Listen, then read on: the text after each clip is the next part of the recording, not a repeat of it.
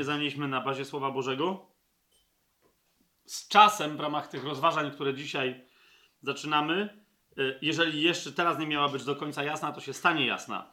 A jeżeli e, dla kogoś jest bardzo jasna, to może się stanie jeszcze jaśniejsza. Co dzisiaj zaczynamy? Rozważanie e, listu Pawła apostoła do Hebrajczyków.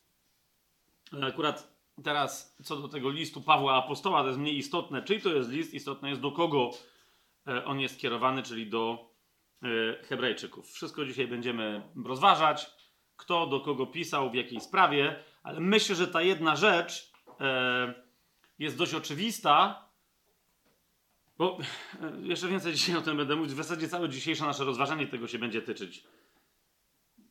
Kto do kogo o, o, pisał, co się tam działo, ale jedną rzeczą jest, jedna rzecz jest pewna i co do jednej rzeczy nie, nie powinniśmy mieć wątpliwości, mianowicie, że nawet jeżeli ten list nie jest skierowany do Hebrajczyków, jak niektórzy twierdzą, to jest przynajmniej na temat Hebrajczyków pisany.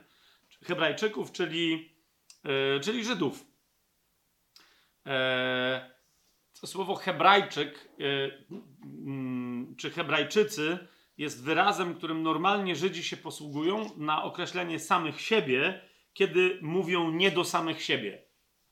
Tak? Czyli kiedy Żydzi e, mówią o sobie jako o narodzie innym narodom, innym adresatom niż Żydzi. Ma to sens?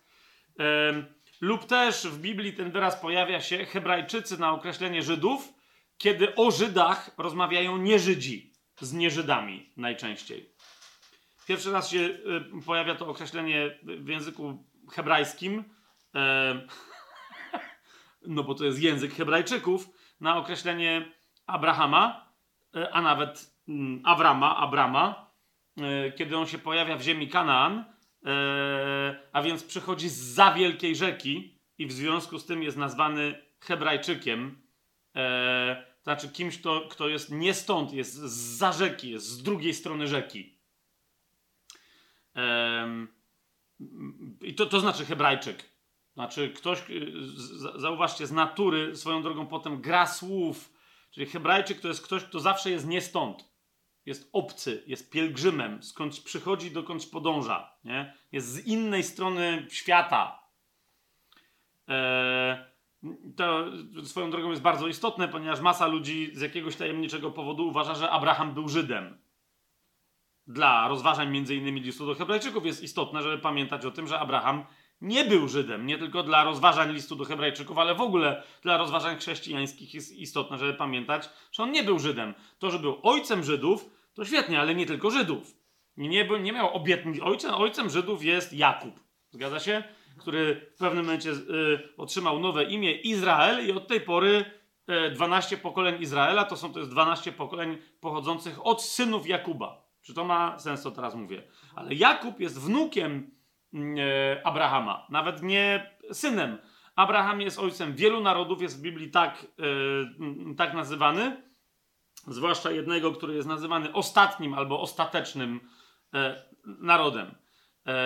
Nie zmienia to jednak faktu, że Żydzi sobie tę nazwę Hebrajczyk przypisali, chociaż jeszcze raz mówię, pamiętajcie, bo to jest dosyć specyficzne również dla określenia narodu Izraela narodu wybranego, ale nawet chrześcijan na tym świecie.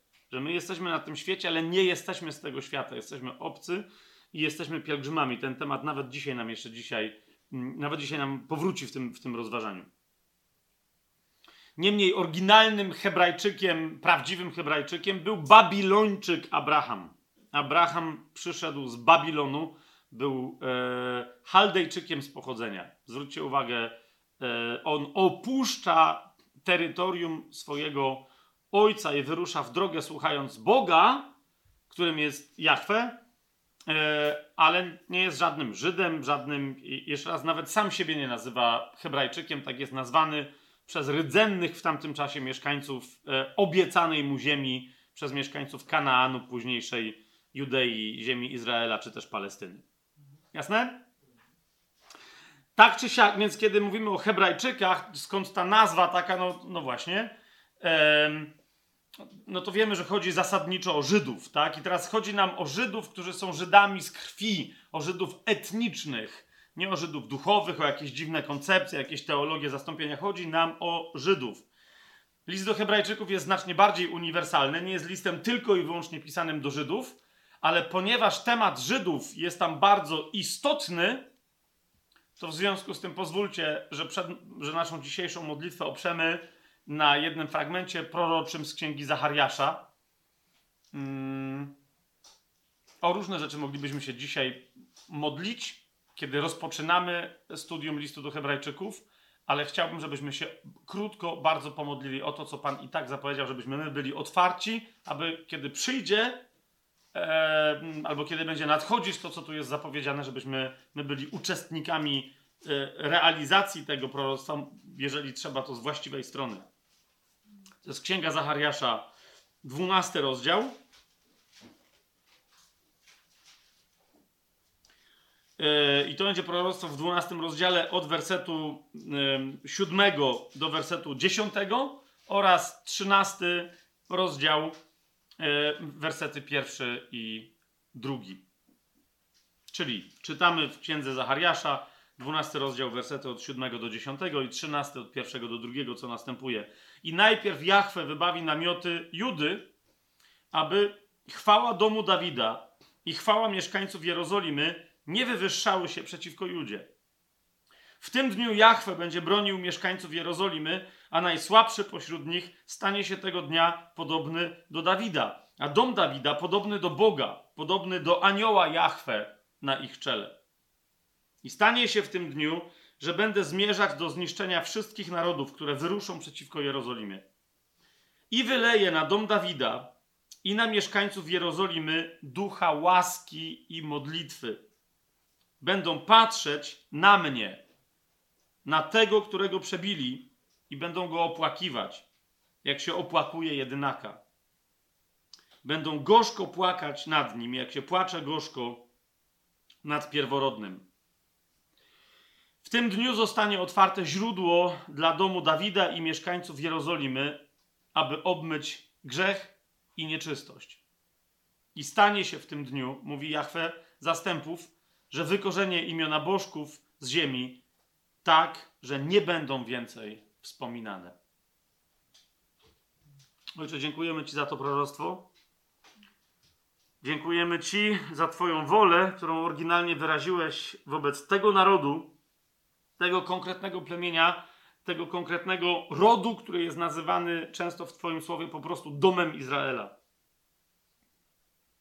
Dziękujemy Ci, Panie, że Ty rozszerzyłeś tę swoją wolę na wszystkich, tak aby w ten oryginalny krzew oliwny mogły być wszczepione dziczki takie jak my.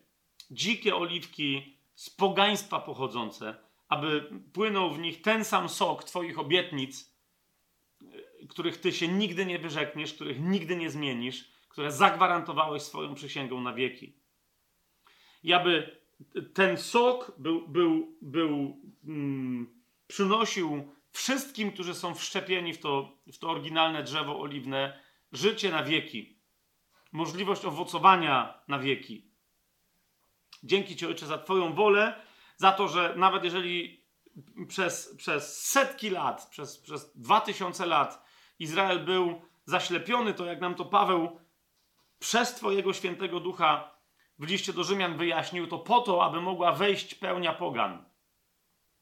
I dzięki Ci, Panie, że Ty nie pozwolisz, aby Twój wybrany naród się zatracił, ale przed absolutnym końcem tej epoki, tego wieku, przyjdziesz, aby ich chronić, aby się zwrócić ze swym miłosierdziem i pokojem do resztki Izraela, wtedy, kiedy będą najbardziej zagrożeni kompletną eksterminacją, kompletnym wyginięciem. Dzięki Ci, Panie, że Ty już dzisiaj dajesz nam znaki w Izraelu, e, ale i w diasporze żydowskiej, wszędzie na świecie, coraz większej ilości nawracających się etnicznych z krwi, z pochodzenia Żydów, którzy przyjmują chrześcijaństwo, którzy, którzy przyjmują, że to Jezus był, jest i będzie jedynym e, Mesjaszem, na którego Izrael czekał, że nie będzie żadnego innego. Nigdy. On przyszedł pierwszy raz jako syn Józefa zgodnie z wszystkimi proroctwami cierpiał, oddał swoje życie, zmartwychwstał i żyje, a jako Ha Moshiach ben Dawid, zwycięski syn Dawida, powróci, aby zasiąść na tronie Dawida już niedługo w swojej chwale, aby wprowadzić na, na, na nowej ziemi, pod nowym niebem swoje tysiącletnie i wieczne królestwo.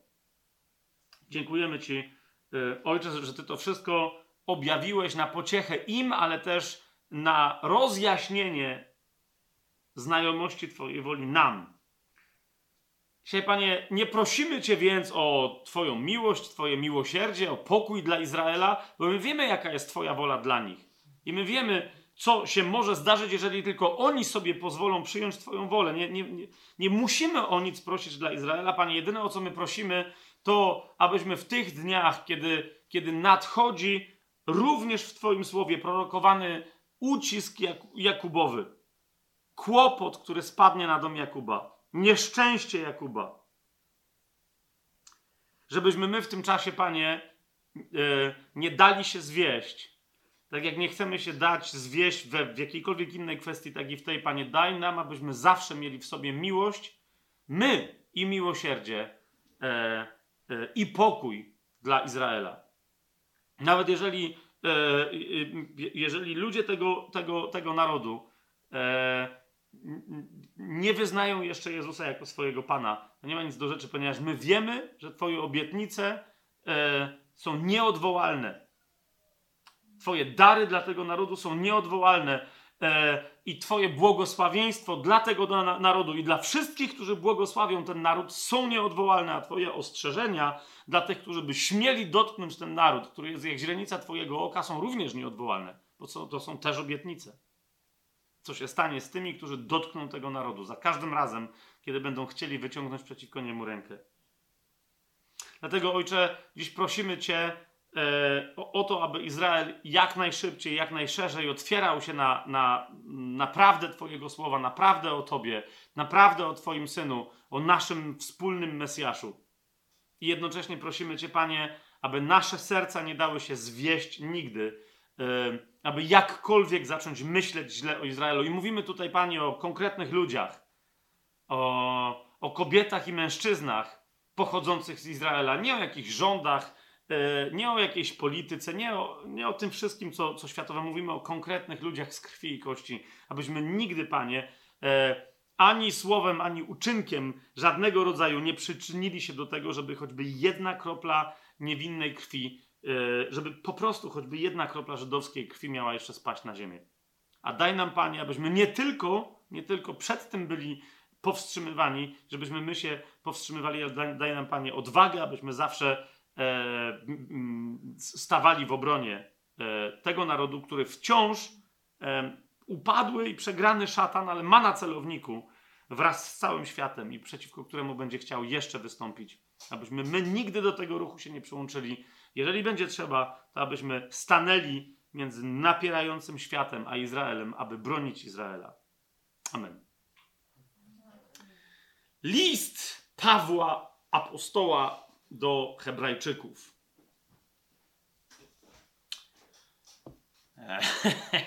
Muszę Wam coś najpierw e, opowiedzieć. Dzisiaj, jak tu jechaliśmy, to się dzieliłem e, z, z, z Gosią i Piotrem, że, że, bo musiałem sprawdzić pewien tekst że się odniosłem do, do, do, do kategorii dowcipów z czasów e, komunizmu, e, z, zwanych e, dowcipami Radia Erewań.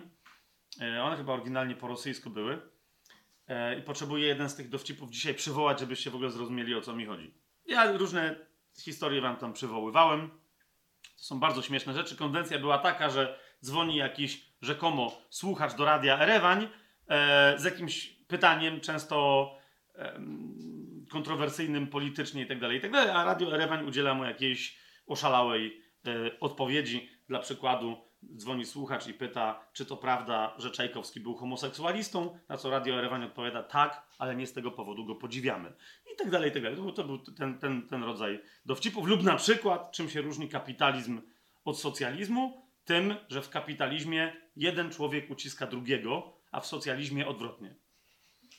Więc to był ten rodzaj y, humoru. I teraz o co mi chodzi? Chodziło mi o, o czemu tam w ogóle wlazłem w tamtą czasoprzestrzeń tego, tego rodzaju dowcipu, bo szukałem jednego, który bardzo mi się nadaje jako wstęp do dzisiejszych naszych rozważań. Otóż jeden z takich najbardziej moich ulubionych niegdyś żartów mm, związanych z radiem Erewań to był telefon jednego ze słuchaczy, który zadzwonił oczywiście do radia Erewań i zapytał, czy to prawda, że w Moskwie na Placu Czerwonym rozdają za darmo samochody.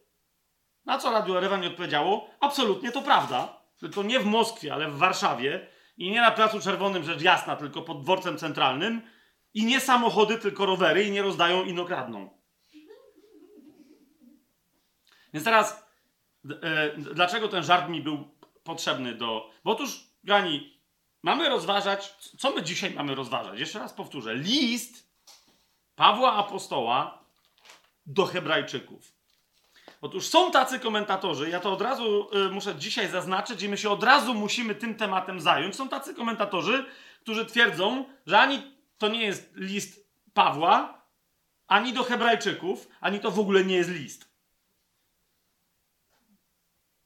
O! Co się tu dzieje? No rozumiecie, to jest dokładnie to. No, nie, na, nie w Moskwie, tylko w Warszawie, nie na Placu Czerwonym, tylko pod dworcem i nie samochody, tylko rowery i nie rozdają, tylko kradną. To jest dokładnie to. Nie dość, że nie wiadomo, tak? Niektórzy mówią, że to w ogóle nie, że nie wiadomo, tylko że tego na pewno nie napisał Paweł, więc co to za list Pawła? Po drugie, on go nie napisał do Hebrajczyków, więc co to za list do Hebrajczyków? Po trzecie, to nie jest w ogóle żaden list.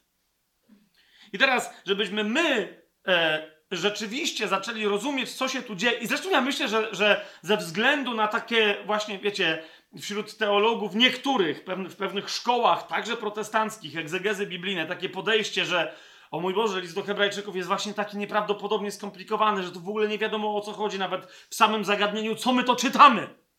Jakby dzisiaj, yy, dzisiejsza młodzież powiedziała, co ja patrzę. Otwieram Biblię i co ja, co to, co? Więc musimy sobie to wyjaśnić. Czy to jest list? Czy to jest list Pawła?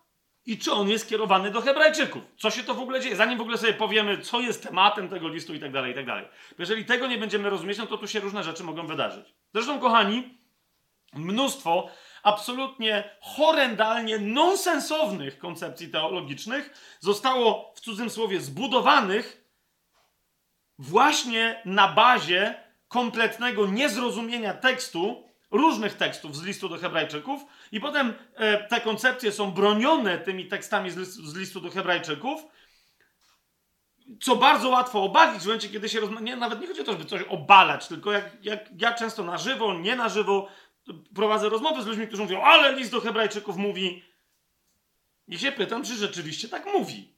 I rozumiecie, że, że niektórzy naprawdę zaczynają się sypać koncepcja w momencie, kiedy zaczynają czytać tekst w liście do Hebrajczyków, i pytam, ale kto tu mówi do kogo i o czym? Co to jest za ogień? Kto ma na co czekać? Kto jest oświecony, kto nie jest? Zwłaszcza wiecie, w tych nieprawdopodobnie, nie, y, dla niektórych wciąż nierozwiązanych tematach, takich jak na przykład legendarna i niesławna utracalność zbawienia. Nie? Y, naj, najpoważniejsze ponoć argumenty broniące tejże koncepcji utracalności zbawienia ponoć się znajdują w liście do Hebrajczyków. Po czym, jak się przyglądasz e, we właściwym kontekście, widzisz o, o co chodzi w liście do Hebrajczyków, czytasz go od początku do końca, to się zastanawiasz, jak ktoś w ogóle mógł wpaść na to, że ten fragment tyczy się zbawienia. W ogóle. Ok? Chyba, że no właśnie się go wyrwie z kontekstu i wtedy. Yy, a dlaczego ludzie mogą sobie swobodnie, jak sądzą, wyrywać z kontekstu fragmenty z listu do Hebrajczyków? No właśnie, bo cały list do Hebrajczyków jest tak tajemniczy, że możemy tylko fragmenty zrozumieć. Nonsens. Jak nie rozumiesz całości, jak możesz zrozumieć fragmenty? Czego się one tyczą? Jasne? Dlatego, kochani, bardzo będziemy potrzebowali się dowiedzieć, czy w Moskwie, czy w Warszawie, czy na Placu Czerwonym, czy pod dworcem centralnym, czy samochody, czy rowery, czy rozdają, czy kradną. Co się dzieje? Tak? A zatem, czy to jest list? Czy to jest list do Hebrajczyków? Czy wreszcie to jest list Pawła Apostoła? Ktoś powie, dobra, no ważne, że jest natchniony, nie? bo wielu komentatorów tu się poddaje i mówią, to jest list, ta, zaryzykujmy, Potem mówią, no w miarę jest oczywiste, że chyba do Hebrajczyków. I jest natchniony. Jeżeli jest natchniony, to proszę, nie kłóćmy się o to, czy on jest Pawła. Może być kogoś.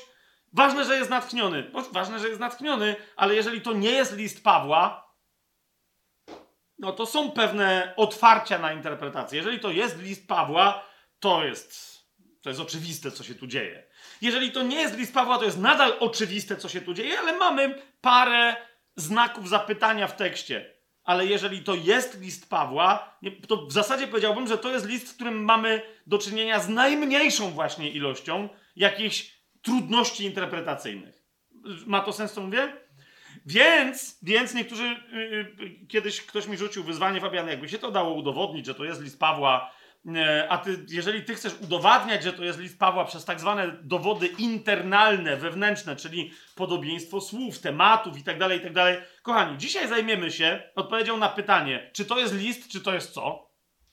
Po drugie, czy on jest skierowany do Hebrajczyków? Jeżeli tak, to co to znaczy? I czy to jest list Pawła? I pozwólcie, że nie posłużę się zasadniczo dowodem z tematów. Ponieważ tematy Pawłowe, gdyż teza jest taka, że to jest list Pawła i dzisiaj będę tej tezy bronił, jako oczywistej. Nie jako możliwej, tylko jako oczywistej. Zaraz, yy, zaraz. Będziemy powoli do tego docierać. Tak? Ale kochani, idzie mi, yy, idzie mi o to, yy, że nie będziemy się nawet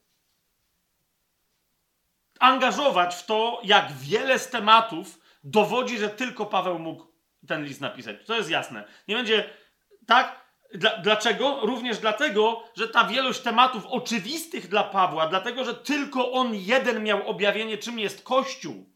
Rozumiecie? I ono wyraźnie o tym mówi, jak ten Kościół był ukrywany w historii dziejów przez Boga, a potem jak został objawiony i jak jest dalej objawiany. To tylko Paweł mógł to wiedzieć i tylko on mógł tak napisać do Hebrajczyków. Ale jeszcze raz pokażemy sobie kompletnie inne dowody, które powinny być oczywiste dla kogoś, kto czyta Biblię całą, że ten list jest listem Pawła. Po prostu. Ale od początku, czy jest to list? Ktoś zapyta, no jak to? No jest w Biblii, to jest list. No nie, bo na przykład Księga Objawienia to jest list, czy to nie jest list? E, no właśnie, i teraz niektórzy mówią, no w sumie to jest nawet siedem listów na początku. W ogóle cała księga się zaczyna, że tutaj Jezus wysyła kogoś, bo dostał objawienie i dobra, to jest list, czy to nie jest list? Tak? Dzieje apostolskie to jest list, czy to nie jest list? Ewangelia Łukasza to jest list, czy to nie jest list? Rozumiecie o co, o, o co chodzi? To Nowy Testament nie składa się tylko i wyłącznie z listów. Tak? Ale teraz, czemu by list do Hebrajczyków nie, był, nie miał być listem? No bo, jak nie pamiętam teraz, kto miałem gdzieś to w notatkach swoich, ale nie zapisałem sobie, który to był autor. Także przepraszam, jak. Yy, Przepraszam, no kto, jak ktoś odkryje, to nie jest, to jest cytat z jakiegoś autora, jednego z komentatorów listu do Hebrajczyków, którego sobie kiedyś zapisałem. E, napisał mianowicie ten ktoś w następujący sposób, że list do Hebrajczyków zaczyna się jak rabiniczna rozprawa. Lub też traktat, to, bo ja to z angielskiego sobie przetłumaczyłem, że list do Hebrajczyków zaczyna się jak rabiniczna rozprawa, rozwija się jak chrześcijańskie karzanie, a dopiero kończy jak list Pawła. To było interesujące. E, ten autor zresztą dowodził, że e, ponieważ tak się sprawy mają, to w związku z tym ten list jest napisany podobnie jak e, według tego samego autora, zresztą, bo to, bo to jest ta, ta sama szkoła, prawdopodobnie przez 3 do 14 różnych autorów i potem jakiś jeden redaktor to polepił i tak właśnie powstał list do Hebrajczyków. Jasne. Jeszcze dalej do tego wrócę, ale kochani, jedną rzecz chcę powiedzieć. Jeżeli gdzieś istnieje spójność tekstowa oparta na języku, jakim się autor biblijny posługuje, to list do Hebrajczyków, i teraz uważajcie na to, jest, gdy chodzi o Grekę, najlepszy, najlepiej po grecku napisaną księgą w Nowym Testamencie. To jest po pierwsze. Po drugie, jeżeli spotkacie się gdzieś w rozmaitych tam historiach, E, komentarzy, tak? Że, bo, bo znajdziecie takich komentatorów, dzisiaj ja nawet ze dwóch przywołam, że oryginalnie ten list musiał być napisany po, po hebrajsku. Jest tak hebrajski, że musiał być napisany po hebrajsku, Od razu wam mówię, że nie tylko nic na to nie wskazuje, ale wręcz wszystko dowodzi, że był oryginalnie napisany po grecku. Jest natchniony po grecku, nie w żadnym hebrajskim, bo niektórzy potem, wiecie, zaczynają robić tłumaczenia, jakby to e, napisał Żyd, o co tu chodziło i tak dalej, z jakiego to wyrazu jest przetłumaczone hebrajskiego.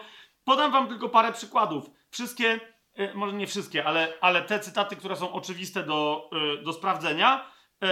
Jest parę takich cytatów biblijnych, nie będziemy teraz skakać, bo mamy istotniejsze rzeczy dzisiaj do zrobienia, ale tylko najprostsze argumenty.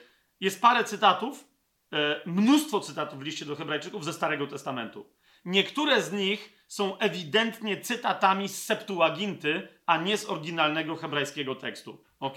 Dlaczego ktoś takie wykorzystał, a nie inne? Będziemy jeszcze dzisiaj o tym mówić. Chodzi mi tylko o to, że to jest ktoś, kto włada językiem greckim i pisze do ludzi, którzy władają greką i nawet jeżeli czytają Biblię, to czytają z Septuaginta, więc czytają po grecku, a nie po hebrajsku. Czy to jest jasne? Tak? Eee, mm, po drugie, po drugie, mamy zastosowanie pewnych słów, które, gdyby ten list miał być napisany po hebrajsku, nie miałby najmniejszego sensu w tych, w tych fragmentach. Na przykład e, mamy wyraz hebrajski oznaczający przymierze, który w języku greckim to jest wyraz diateke, oznacza dwie rzeczy naraz, mianowicie przymierze, które ktoś zawiera z kimś, albo testament, który ktoś zostawia po swojej śmierci, żeby go zrealizować, e, kiedy już nie żyje. Czy to jest jasne? Otóż, kochani, dokładnie na bazie takiego podwójnego znaczenia słowa diatekę e, autor tego listu bawi się tą dwuznacznością i mówi o przymierzu, jakby jednocześnie o czyimś testamencie do zrealizowania. Czy to jest jasne? I ewidentnie o, o tym mówi, że ktoś zostawia testament, czyli zostawia przymierze, które jest też testamentem do zrealizowania. Nie? Jeżeli ten list byłby pisany oryginalnie po hebrajsku, to by nie miało żadnego sensu, ponieważ w języku hebrajskim wyraz przymierze oznacza tylko przymierze. Po, po, prostu. I tego typu elementów w tym liście jest znacznie więcej, które jasno dowodzą, ja nie będę się teraz dalej w to wdawać, że ten list był oryginalnie napisany, nawet jeżeli ktoś go wygłaszał z pewną myślą hebrajską w głowie, co jest oczywiste, ale był od początku zapisany Greką i to Greką absolutnie fantastyczną. Zresztą ten fakt powoduje, że wielu komentatorów mówi i dlatego nie mógł tej, tego listu napisać Paweł. No to jeszcze się do tego zwrócimy, czy, czy Paweł mógł, czy nie mógł napisać listu dobrą Greką. Ok? W każdym razie, w każdym razie zaczyna się ten list jak rozprawa rabiniczna, mówi jeden autor, rozwija się jak chrześcijańskie kazanie, a kończy jak list e, Pawła. Kochani, jeżeli my pamiętamy o tym, że ten list jest napisany Greką od początku do końca, to nawet jeżeli rozwija pewnego rodzaju myśl na sposób rabiniczny, to posiada strukturę i posiada strukturę rozprawy rabinicznej, to jednocześnie ma absolutną spójność od początku do końca, gdy chodzi o styl, o formę, o wyszukane słownictwo, o fantastycznie złożone zdania oraz ma też spójność, gdy chodzi o wewnętrzną strukturę. Jest punkt pierwszy, drugi, trzeci, czwarty, od pierwszego do ostatniego rozdziału to wszystko ma sens. To nie jest, żadne, to nie jest żadna kompilacja wielu autorów. Czy to, jest, czy to jest jasne? Więc jeżeli ten list, no właśnie tak się rozwija, to czy to jest list? Bo niektórzy mówią, może to nie jest list. Może ktoś napisał rozprawę do Żydów o tym, jak się mają ich tam poglądy na jakieś tam sprawy, a na koniec ten ktoś dopisał pozdrowienia. Nie? No ale to wtedy nie jest list. Okej, okay. słuszna uwaga. Zobaczmy, co sam autor tego pisma, bo jeszcze zauważcie, że nie odpowiedzieliśmy sobie, czy to jest Paweł, bo to jest dopiero na samym końcu, ale, mamy, ale ktoś tu jest autorem. Ewidentnie jeden styl, jeden ciąg myśli, jedna. Yy, Okej. Okay. Jeden słownik, wspólne słownictwo. Otóż zobaczmy, co sam autor tego tekstu mówi na temat tego tekstu. Ok? To jest list do Hebrajczyków, 13 rozdział. W 22 wersecie nazywa, to jest bardzo istotne, nazywa ten e, list na dwa sposoby autor, te, to pismo, na dwa sposoby. To jest 22 werset. Autor pisze: Proszę was, bracia, przyjmijcie to słowo zachęty, bo krótki list do was napisałem. Jak widzicie, słowo list tu jest dodane. Tak? Dlaczego? Otóż, kochani, po, po pierwsze, nie pojawia się, dlatego że tu się nie pojawia słowo list, czyli Epistole to jest greckie słowo. Ono się pojawia w wielu innych miejscach e, Nowego Testamentu, ale tu się nie pojawia. Ok? Natomiast pojawia się czasownik epistello, czyli niektórzy powiadają, no, czyli pisać list. No nie. Niby tak, ale nie. Bo jeżeli, zauważcie, po polsku my mówimy pisać list, to również po grecku się mówi, że ktoś napisał list, epistole napisał, tak? Jest, ma to sens? A tu jest czasownik, który mówi o, o pisaniu jakiejś korespondencji. Ok? Otóż, kochani, ten czasownik e, e, określający, w czym zostało zawarte to słowo zachęty, ok? czyli, y, czyli czasownik epistello pojawia się na szczęście tylko trzy razy w całej Biblii. ok? I to w dodatku pojawia się u autora, który pisze równie genialną Greką jak autor listu do Hebrajczyków, ze względu na to, że on ma tak samo genialną Grekę. Niektórzy uważają, że to jest autor listu do Hebrajczyków, czyli Łukasz. To jest jeden z potencjalnych kandydatów na autora listu do Hebrajczyków. Tak? Czyli, że on, y, jest taka jedna z teorii, że on wziął teologię Pawła, może nawet Paweł mu ją wykładał po hebrajsku, czy swoją nieudaną e, Greką, a Łukasz przełożył to na genialną Grekę. Tak czy siak, e, my wiemy, w jakich innych dwóch miejscach pojawia się ten wyraz. Otóż po pierwsze pojawia się ten wyraz w dziejach apostolskich, po drugie też w dziejach apostolskich, ale po pierwsze pojawia się w dziejach apostolskich w 15 rozdziale. Okay? Jaką tam mamy koncepcję? Otóż, kochani, pamiętacie, zebrał się tak zwany Sobór Jerozolimski. Oni tam rozważają, czy trzeba być Żydem, e, czy trzeba być obrzezanym, żeby być chrześcijaninem. Tak? No i mówią, że nie, ale mówią, no dobra, ale dajmy znać poganom, żeby się jednak od pewnych rzeczy powstrzymali, bo ci, co są nawróceni e, z judaizmu, mają trochę problem z ich niecnym i obskurnym, chamskim zachowaniem. Tak? I wtedy, zobaczcie, dzieje apostolskie, 15 rozdział, od 20 wersetu czytamy, ta, od, 20, od 19 wersetu, tak? Tam się e, Jakub zgłasza i mówi, dlatego uważam, że nie należy czynić trudności tym spośród pogan, którzy się nawracają do Boga, ale, i tu się pojawia ten wyraz, napisać im, co? List? No nie. Napisać im, aby wstrzymywali się od splugawienia bożków, od nierządu, od tego, co uduszone i od krwi co im e, napisać. Otóż, kochani, moja teza jest taka, że ten wyraz powinien być przetłumaczony wysta- wy- wystosować pismo. Rozumiecie? Jest czym innym napisać do kogoś list. Ja piszę, Fabian Błaszkiewicz pisze do Łukasza list, serdeczny bracie i tak dalej, i tak dalej. Tak jak to jest w Biblii, nie? Jest nadawca, jest adresat. Ale możesz też napisać, na przykład w języku polskim, list otwarty. Do kogo on jest? No do kogoś tam jest adresowany, raczej adresuje jakiś problem, więc jest do wszystkich, którzy mogą nim być zainteresowani. Tak? Oraz na, także do tych, co nie są tym zainteresowani, żeby sprawę upublicznić. Ma to sens?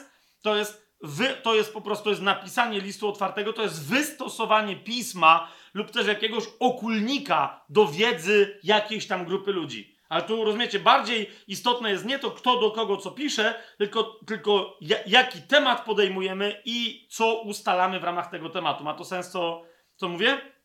Zobaczcie, co jest, co jest dalej napisane a propos tego, bo ten czasownik się pojawia tutaj w 20 wersecie. Napisać im. Według mnie powinno to być tutaj przetłumaczone wystosować pismo. Ok? Nie wiem, czy widzicie różnicę między wysłać komuś list, czy napisać do kogoś list, a wystosować pismo na jakiś temat. Komu? No bo tu chodzi o wszystkich pogan. Jakich? Także obecnych, ale także tych, co się dopiero nawrócą. Tak? Więc to nie jest teraz, nie ma konkretnego adresata. Adresatem staje się ktoś, kto wchodzi w pewien problem, który właśnie rozwiązaliśmy. Ma to sens? I teraz zobaczcie dalej. Dla, dlatego e, na, e, zauważcie, że to coś, co zostało napisane w 23 wersecie nie jest nazwane listem, ale tłumacz całkiem sensownie nazywa to coś pismem. Zobaczcie, posłali przez nich, czyli przez Pawła i Barnabę, posłali przez nich takie pismo.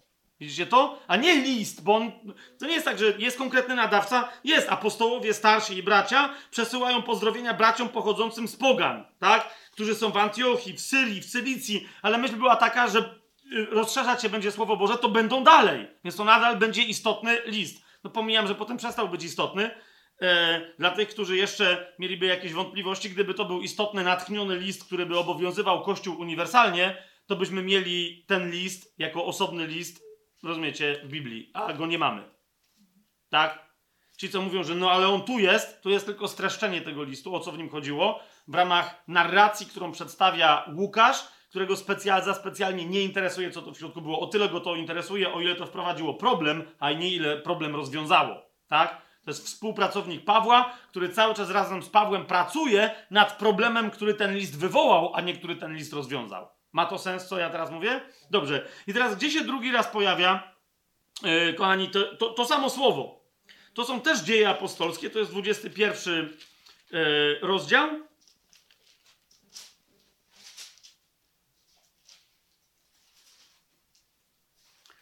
To jest 25 werset. Znowu tam yy, Paweł tam wyjaśnia, co się stało mówi co do pogan, którzy uwierzyli. Yy, przepraszam, to nie Paweł, tylko bo to są właśnie starsi yy, z Jerozolimy. Oni mówią, co do pogan, którzy uwierzyli, napisaliśmy, postanawiając, aby niczego takiego nie zachowywali, tylko żeby się wystrzegali i tak dalej, i tak dalej. Zauważcie, napisali co? List? Nie, znowu powinno to być przetłumaczone, ponieważ, przetłumaczone, ponieważ tu jest dokładnie czasownik epistello, powinno być przetłumaczone, wystosowaliśmy pismo. Jasne? Tak? Wystosowaliśmy pismo. Teraz, kochani, trzeci raz, kiedy się pojawia ten yy, czasownik, on się właśnie pojawia w liście do Hebrajczyków. I teraz zobaczcie, to jest moja propozycja tłumaczenia tego zdania. Ok, to jest 13 rozdział, 22, yy, 22 werset. A proszę was, bracia, swoją drogą, yy, lub też zaklinam, e, to jest czasownik, który równie dobrze może oznaczać pocieszać. Ok? Od tego czasownika pochodzi słowo pociecha, które tu jest przetłumaczone jako zachęta. No więc yy, jest tu przeelegancka, genialna grecka gra słów. W języku polskim pff, nic z tego tu nam nie wyszło. Tak? Ale nie, bo to rzeczywiście byłoby skomplikowane do przetłumaczenia. Niemniej, proszę was, bracia, zaklinam was, pisze tutaj autor, przyjmijcie to słowo zachęty, ok? Ja sobie przetłumaczyłem słowo pocieszenia i teraz uważajcie, bo ów, owo pismo napisałem wam w skrótach lub też bardzo krótkimi zdaniami lub krótkimi wyrazami. Tak brzmi dokładnie ten, nie, że napisałem wam krótki list, ale że ten, yy, yy, że, że przyjmijcie w całości to, co napisałem, bo nie jest to za długie za trudne do przyswojenia, bo wam skrótowo pewne rzeczy napisałem. Swoją drogą on tu zdradza rzeczy, które, o których już wam wcześniej wielokrotnie mówiłem. Tutaj tylko zawieram skróty, bo powinniście wiedzieć o co chodzi. Nie? To zdanie ewidentnie e, taki przekaz tu zawiera. Ale jeszcze raz, proszę was, bracia, przyjmijcie to słowo pocieszenia. Niektórzy mówią, bo, bo e, no nieważne, co, co tutaj mówią, słowo pocieszenia, zbudowania, zachęty, niech będzie, ponieważ napisałem wam, wystosowałem wam pismo i to nie chodzi o to, że ono jest krótkie. Zauważcie, tam jest taki wyraz, który jest w liczbie mnogiej, który mówi o tym, że w krótkich e, czym? Zdaniach albo słowach wręcz, w krótkich wypowiedziach, w skrótach wam napisałem. Dosłownie ja bym tak to e, przetłumaczył. Jasne to jest? A zatem ktoś, kto pisze ten list, e, zaznacza pewne zjawisko, z którym mamy do czynienia zaraz na samym początku. Mianowicie że nie jest to list, bo on nie ma koperty. To znaczy, jak na początku każdego listu, i rozumiecie, w starożytności, ja już pomijam, że w Biblii, ale w ogóle w starożytności takie zjawisko jest absolutnie przedziwne. Jeżeli ktoś by dostał list i nie ma napisane, że to jest list dla niego i od kogo to jest list. Czy to jest jasne? Jeżeli w liście nie ma, do, na przykład, pisze list do Gosi, tak? I bierze Gosia, ale przeczytaj ten list także swojemu mężowi, kościołowi, który macie w domu i w ogóle wszystkim w Krakowie i tak dalej, nie? To wtedy ty możesz go przekazać następnym ludziom i oni dalej widzą, kto jest dopuszczony do tego listu. Ale ty jesteś adresatką, a oni pośrednio, bo to jest zaznaczone w liście. Ma to sens? W tym liście nie ma adresata, kochani. Na, naprawdę.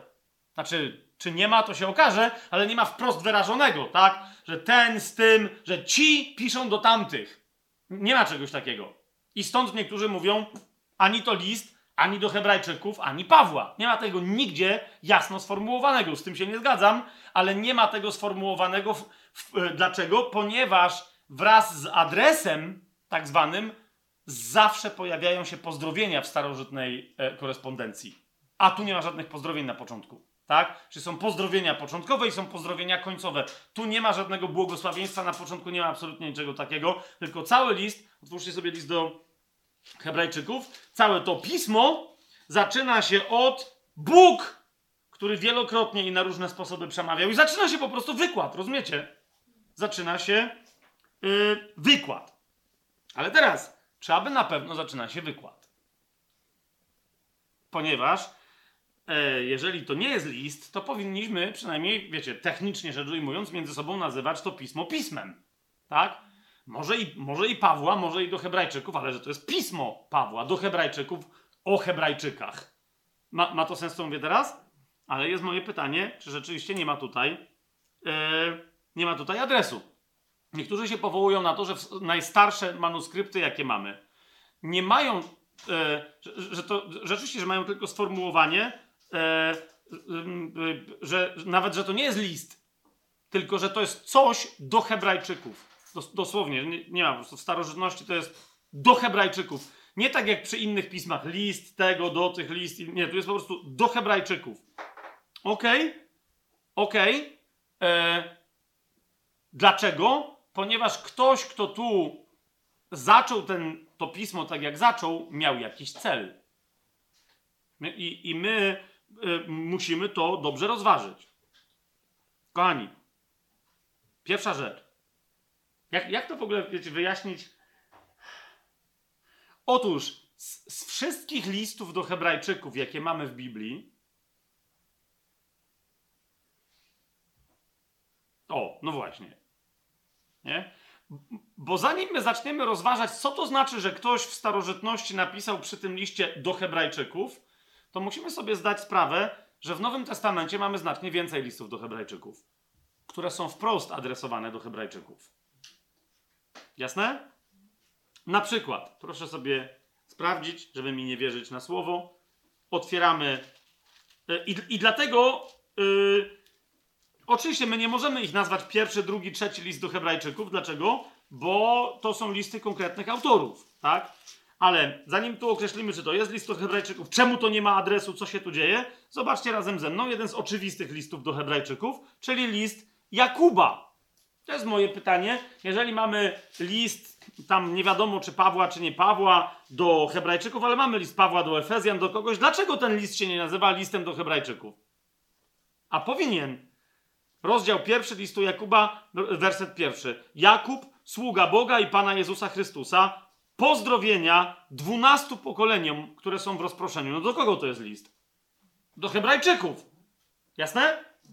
Potem jest oczywiście pytanie, bo to był jeden z elementów, które próbował w pewnym momencie przenajczcigodniejszy e, ksiądz Marcin Luther wykorzystać, żeby, żeby stwierdzić, że o, może możemy się tego uchwycić, że to nie jest list uniwersalny do Kościoła, tylko do Żydów i możemy to wypchnąć. Raz, że on trochę Żydów nie lubił. Dwa, trochę mu z początku nie pasował ten list do usprawiedliwienia z łaski przez wiarę darmowego. Wiecie o co mi chodzi? No. Więc i on tu mówi, no to jest list do 12 pokoleń, ale nawet on spoważ, bo ja teraz nie mówię o niepoważnych badaczach, nawet on jak tu miał mocną inklinację, żeby ten, film, ten, ten, ten list usunąć, stwierdził, okay, to jest list do Żydów, do Hebrajczyków, ale on jest też uniwersalnie przeznaczony dla całego Kościoła, jest bardzo istotny, więc mówi tyle. Okay? Kolejny list yy, do Hebrajczyków, otwórzcie, otwórzcie sobie razem ze mną pierwszy list Piotra, apostoła. Okay? Do kogo tutaj pisze Piotr? Piotr apostoł Jezusa Chrystusa, do wychodźców rozproszonych w Poncie, Galacji, Kapadocji, Azji i Bitynii. My, jak będziemy rozważać ten list, to będziemy więcej na ten temat mówić, ale kochani, ci wychodźcy, to słowo, które tutaj się pojawia, ono pojawia się w liście do Hebrajczyków w 11 rozdziale, jak sobie y, otworzycie. W odniesieniu do kogo? To jest 11 rozdział, 13 werset. Wszyscy oni umarli w wierze, nie otrzymawszy spełnienia obietnicy, ale z daleka je ujrzeli, cieszyli się i witali je i wyznawali, że są obcymi i pielgrzymami na tej ziemi. Wychodźcy. To są e, to jest Abraham, Izaak, Jakub i tak dalej, czyli patriarchowie izraelscy. Oni tu są nazwani przez Pawła wychodźcami lub pielgrzymami. Jasne? Więc teraz Piotr pisze do jakichś wychodźców rozproszonych w Poncie Galacji, Kapadocji, Azji i Bitynii, ale wychodźców z jakiego narodu? Żydowskiego. Jasność? W tym samym liście, w drugim rozdziale, w jedenastym wersecie, mm, e, Paweł dalej pisze do nich umiłowani, proszę was, abyście jak obcy i goście, ten wyraz tutaj przetłumaczony jako goście, to jest ten sam wyraz, który jest przetłumaczony jako pielgrzymi w liście do Hebrajczyków i jako wychodźcy na początku e, tego samego listu. Proszę was, abyście jako obcy i goście powstrzymywali się od cielesnych porządliwości i tak dalej, i tak dalej. Tak? Niemniej jasno z, e, z, całego kontekstu i tak dalej, będziemy przy liście Piotra, to będziemy to rozważać. List Piotra Apostoła pierwszy jest listem do Hebrajczyków. E, konsekwentnie ze względu na tematykę, sposób zwracania się i tak dalej. Wielu mówi, że drugi list Piotra również nie jest nadal listem, to jest bardzo istotne dla naszych dzisiejszych rozważań, kochani. Nie jest listem stricte uniwersalnym do całego Kościoła, ale ze względu na poruszone w nim tematy, sposób mówienia, zrozumiały w pewnych momentach, aluzjach tylko dla Żydów, jest nadal pisany przez Piotra tylko do Żydów. Zresztą nie ma w tym niczego dziwnego, bo Piotr bardzo mocno obstawał, że on jest posłany do domu Izraela, a Paweł do Pogan i o, Paweł zresztą to samo potwierdzał, pamiętacie? Nie? Więc to jest niedziwne, że tu mamy, co prawda on tu nie mówi wprost o Izraelu, zobaczcie drugi list Piotra, pierwszy rozdział, pierwszy werset, Szymon Piotr, sługa i apostoł Jezusa Chrystusa do tych, którzy otrzymali wiary, wiarę równie cenną i tak dalej, i tak dalej, ale sam fakt, jak Piotr tu się przedstawia, Szymon Piotr, a nie po prostu Piotr apostoł i tak dalej, i tak dalej. Te tematy, sposoby wypowiedzi, konkretne problemy, z którymi on się tutaj zwraca oraz jeszcze coś w tym liście, co będzie dla nas niezwykle istotne. Wszystko to jasno dowodzi, że to jest również list pisany do Hebrajczyków. Mamy jasność?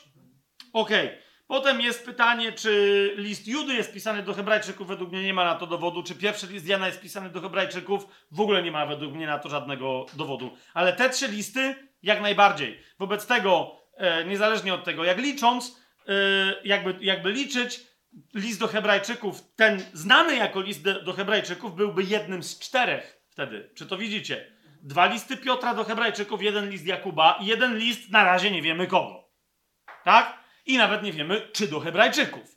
Ale teraz pokazałem wam, zobaczcie, są trzy listy, które, zwróćcie uwagę, Piotr dwa razy, Jakub piszą w dosyć specyficzny sposób do tych Hebrajczyków. Nie wiem, czy widzicie. Nie? To jest list adresowany do Hebrajczyków, tak żeby oni rozumieli, że to jest do nich adresowane, żeby oni rozumieli, kto pisze, ale to nie jest po prostu do Hebrajczyków.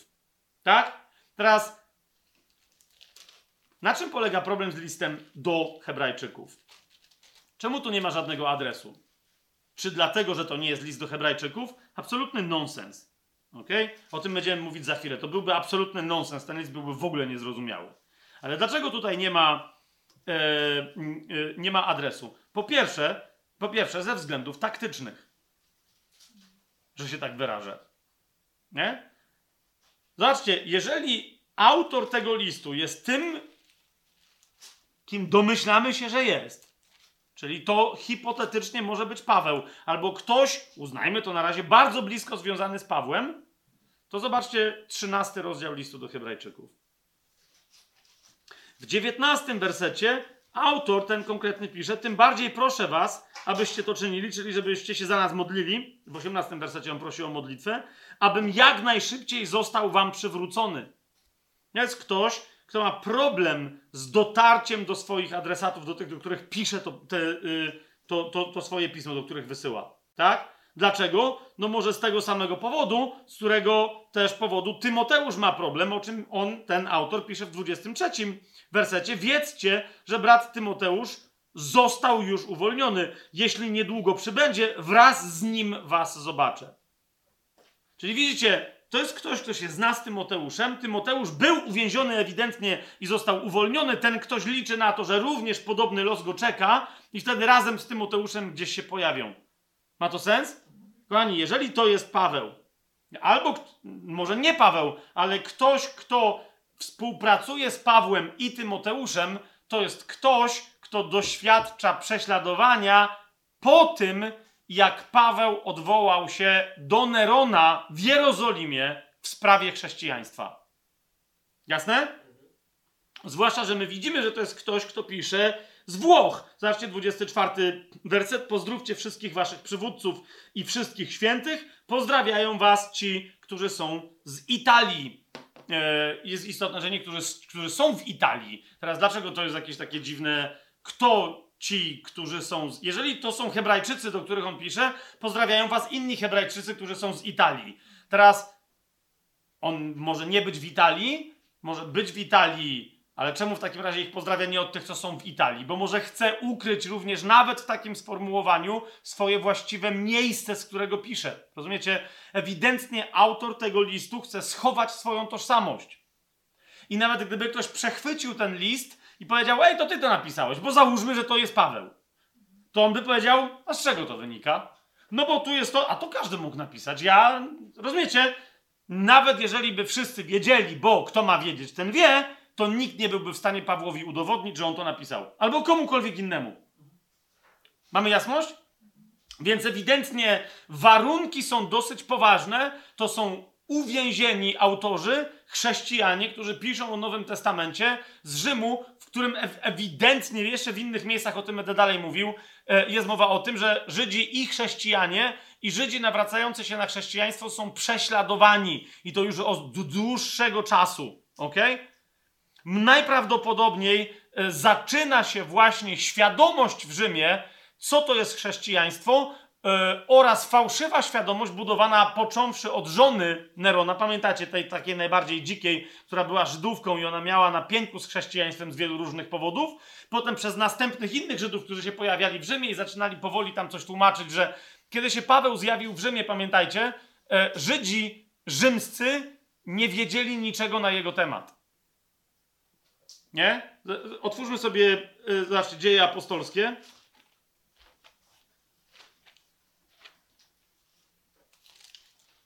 28 rozdział.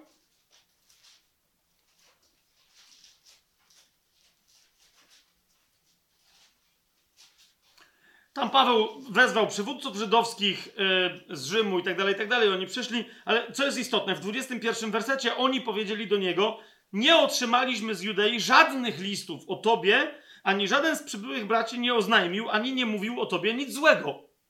Widzicie to? To dopiero później w Rzymie zaczęła się żydowska świadomość na temat tego, kim jest Paweł, kim jest, y, co to jest chrześcijaństwo i tak dalej, i tak dalej. Jasne? Ale zwłaszcza na temat Pawła. Więc rozumiecie, w liście do Hebrajczyków ten autor wyraźnie mówi już o sytuacji, w której jego sprawa jest znana, chrześcijaństwo przez niego głoszone jest znane i to nie tylko Rzymianom, ale także innym Hebrajczykom, między innymi tym, do których yy, i z myślą, o których ten ktoś pisze list do Hebrajczyków. Czy ma to sens cały czas, co, co, co ja gadam? Okej. Zatem, zatem nie ma adresu ewidentnie w tym piśmie, nawet jeżeli to nie jest stricte list, ale adres jakiś powinien być. Dlaczego? Właśnie, żeby ukryć tożsamość autora. Ok? Ale druga bardzo interesująca, kochani, rzecz. Tak? Jeżeli to jest ten autor, o którym my myślimy, niektórzy tam, to jest dowód na to, że to jest ten autor, o którym my myślimy. Bo wśród chrześcijan wielu odmawiało prawa Pawłowi mówienia do Żydów, bo on sam przyznawał, że był posłany do pogan, a nie do Żydów, a do Żydów jest posłany Piotr. Wiecie o co mi chodzi? Więc jeżeli Paweł, teraz zauważcie, Paweł namieszał także Żydzi, którzy chcieli się z nim rozprawić, koniec końców mieli problemy, ale jeszcze większe problemy mieli chrześcijanie w Jerozolimie. Zauważcie, pisanie przez Pawła listu do, jakiej, do jakichkolwiek Żydów na świecie, nawet do chrześcijan, ok? Kiedy wszystkie diaspory chrześcijańskie żydowskie były infiltrowane przez Żydów, było niebezpieczne nie ze względu na to, że było, byłoby bezskuteczne, ponieważ fałszywi bracia powiedzieliby, ale przecież my nie możemy przyjąć argumentacji jakiejkolwiek od chłopa, e, który namieszał w Damaszku, a potem namieszał w Jerozolimie, także pociągnął e, e, prześladowania skierowane przeciwko Żydom, co nie jest prawdą, tak? Bo te prześladowania wynikały z tego, że oni chcieli prześladować chrześcijan, a często się kończyło na tak, że ludzie nie wiedzieli o co chodzi i prześladowali potem Żydów. Przez chwilę, patrzcie na Efes między innymi. Tak? Więc tacy bracia fałszywi mogliby powiedzieć: Nie będziemy czytać tego listu, dajcie spokój, spalcie to. To jest przecież od tego chłopa, co nie wiadomo, czy chrześcijaństwo robi dobrze, czy źle. A nawet jeżeli robi dobrze, no to poganom, ale nie nam, którzy pochodzimy z judaizmu. Nie? Więc to było drugie bardzo istotne, żeby schować tożsamość autora, tak? A wystawić na światło argumentację. Na zasadzie nieważne, kto pisze ten list, czy się zgadzacie z tą argumentacją. Ma to sens? Ale teraz trzecia niezwykle istotna rzecz, kochani. Mianowicie, jeszcze raz, jeszcze bardziej, co jest swoją drogą dowodem na to, że to jest list do Hebrajczyków, bo nikt inny by nie zrozumiał, pojawia się specjalne mrugnięcie okiem tylko i wyłącznie do Żydów w tym liście, którzy, których, którzy wiedzą, że Bóg napisał do nich jeden list. czyli Torę, a potem całą resztę Biblii.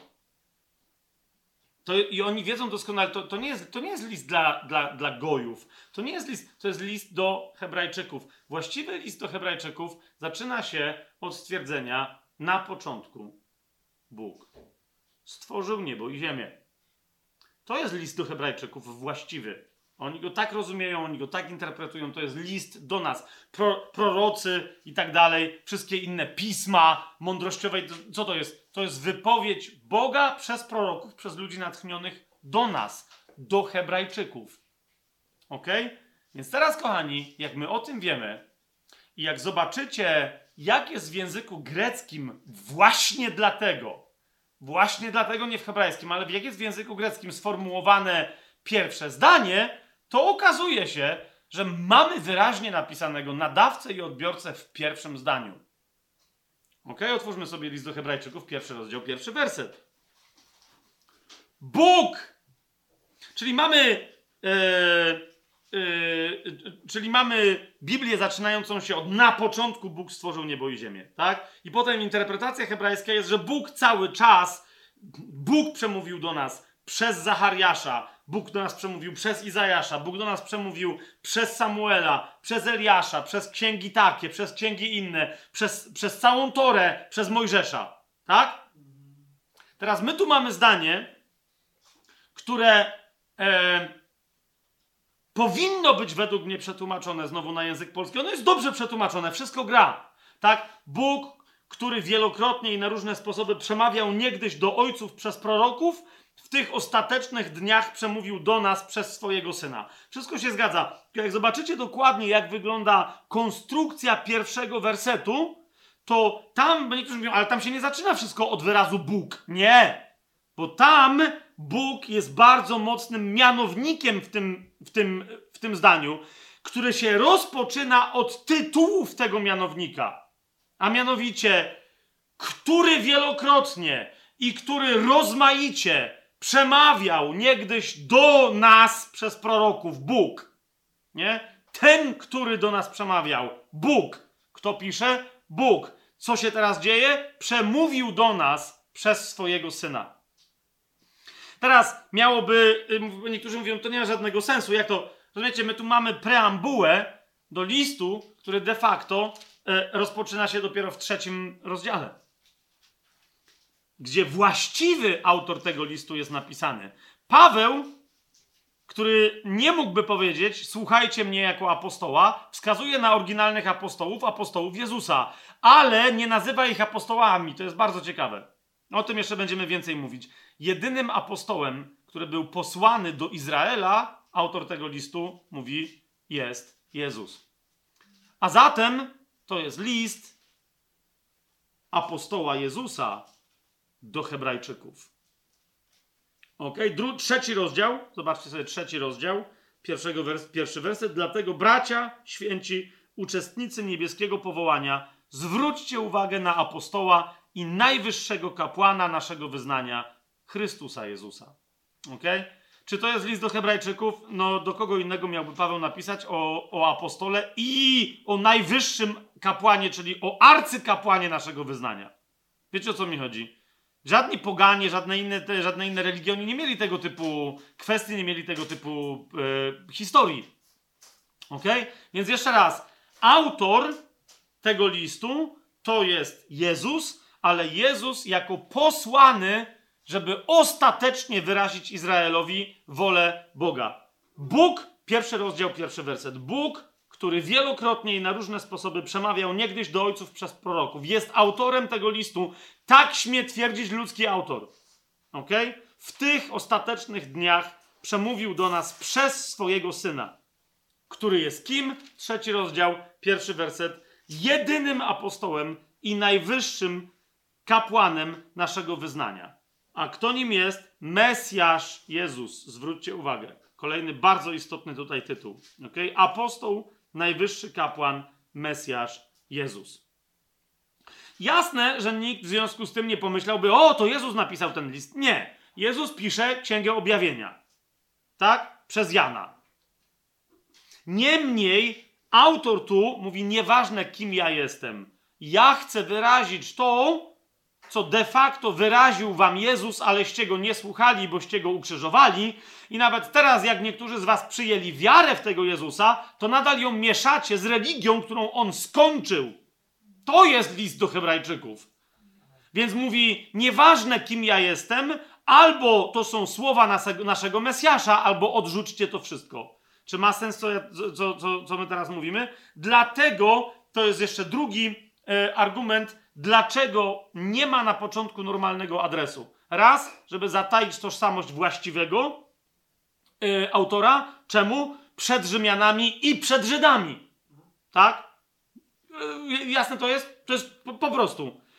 Po drugie, aby wskazać, zwrócić uwagę, dokładnie tak jak mówi w trzecim rozdziale, zwróćcie uwagę, aby zwrócić uwagę na właściwego autora, yy, myśli wyrażonej przez, przez to, co sobie nazywamy listem do Hebrajczyków, którym jest Jezus jako ostateczny wyraziciel woli Ojca, znacznie potężniejszy i lepszy niż jakikolwiek starotestamentowy prorok, włącznie z Mojżeszem we własnej osobie. Ok? Jeszcze raz, pierwszy rozdział, pierwszy i drugi werset. Bóg, ten wielokrotnie przemawiający i na różne sposoby przemawiający w przeszłości do naszych ojców przez proroków, on teraz, kiedy jesteśmy w ostatecznych dniach, przemówił do nas, czy też przemawia skutecznie przez swojego syna, którego ustanowił dziedzicem wszystkiego. Jasność? To, to jest to. To jest to. Pierwszy i drugi rozdział stanowi preambułę, zanim powiemy sobie, czyli kto jest jego synem, Chrystus Jezus jest jego synem. Ta preambuła mówi o masie problemów, które Żydzi wymyślali chrześcijanom, żeby im udowodnić, że Jezus nie może być Mesjaszem. Między innymi, że Jezus jest tylko i wyłącznie aniołem, ale że na przykład Michał jest większy, bo on musi być od niego, a, tak a propos różnych koncepcji e, starych badaczy Pisma Świętego, świadków Jehowy i tak dalej, i tak. Tak? No widzicie, że to są koncepcje wymyślone przez Żydów jeszcze w pierwszym wieku. Dlatego między innymi w pierwszym rozdziale musi autor tego listu zaznaczyć, że on mówi o kimś, kto jest większy od ludzi i kto jest większy od wszystkich aniołów. Ok? Tak dalej, tak dalej. Ale jeszcze raz, my nie, nie rozważamy teraz treści tego listu, ale te pierwsze dwa rozdziały to de facto preambuła do listu, który we właściwej swojej treści zaczyna się dopiero w trzecim rozdziale. Tak? I tam ten właściwy autor, przez którego ojciec przemawia, jest przedstawiony, czyli Chrystus Jezus, apostoł i arcykapłan yy, naszego wyznania. Teraz, kochani, druga rzecz. Mianowicie, czy ten list jest pisany do Hebrajczyków? E, list do Hebrajczyków, pierwszy rozdział, pierwszy werset. Bóg, który wielokrotnie i na różne sposoby przemawiał niegdyś do ojców przez proroków, do czyich ojców? E, nie, nie, do naszych, do ojców Żydów. Serio? Bo niektórzy tak próbują wybrnąć tutaj z tej W ostatecznych dniach przemówił do nas. To jest, niektórzy mówią, że to jest dowód na to, że to nie jest list do Hebrajczyków. Naprawdę. I cała reszta tego listu ma być dowodem na to, że to nie jest list do Hebrajczyków. Po prostu to jest typowy list do pogan, którzy absolutnie rozumieją wszystkie koncepcje tam zawarte. Kapłaństwa, e, lewitów, składania dziesięciny przez Abrahama komuś, albo nie przez Abrahama, Melchizedeka, tematów, czy aniołowie są więksi, czy mniejsi, czy są duchami służebnymi. Rozumiecie? Całej angelologii judaistycznej, tak, oczywiście, to jest list do pogan. Ale niektórzy mówią, nie zwracając uwagi na, na tamte aspekty, mówią, no, to nie jest list do pogan, ponieważ wiele konkretnych dowodów w języku o tym świadczy. Na przykład mamy problem absolutnie fantastycznej Greki e, i tego, że cytując Stary Testament, to jest Greka z Septuaginty. Jeszcze raz, pytanie moje brzmi, czy nie może być Żyda, który zna dobrze Grekę? Cały czas Paweł jest przedstawiany, zauważcie, w wielu innych listach, w komentarzach do listów, a nawet w dziejach apostolskich, zauważcie, jak będziecie mieli takie komentarze, gdzie i ktoś nagle ni stąd, ni zowąd, gdzie nie ma w ogóle tematu Greki.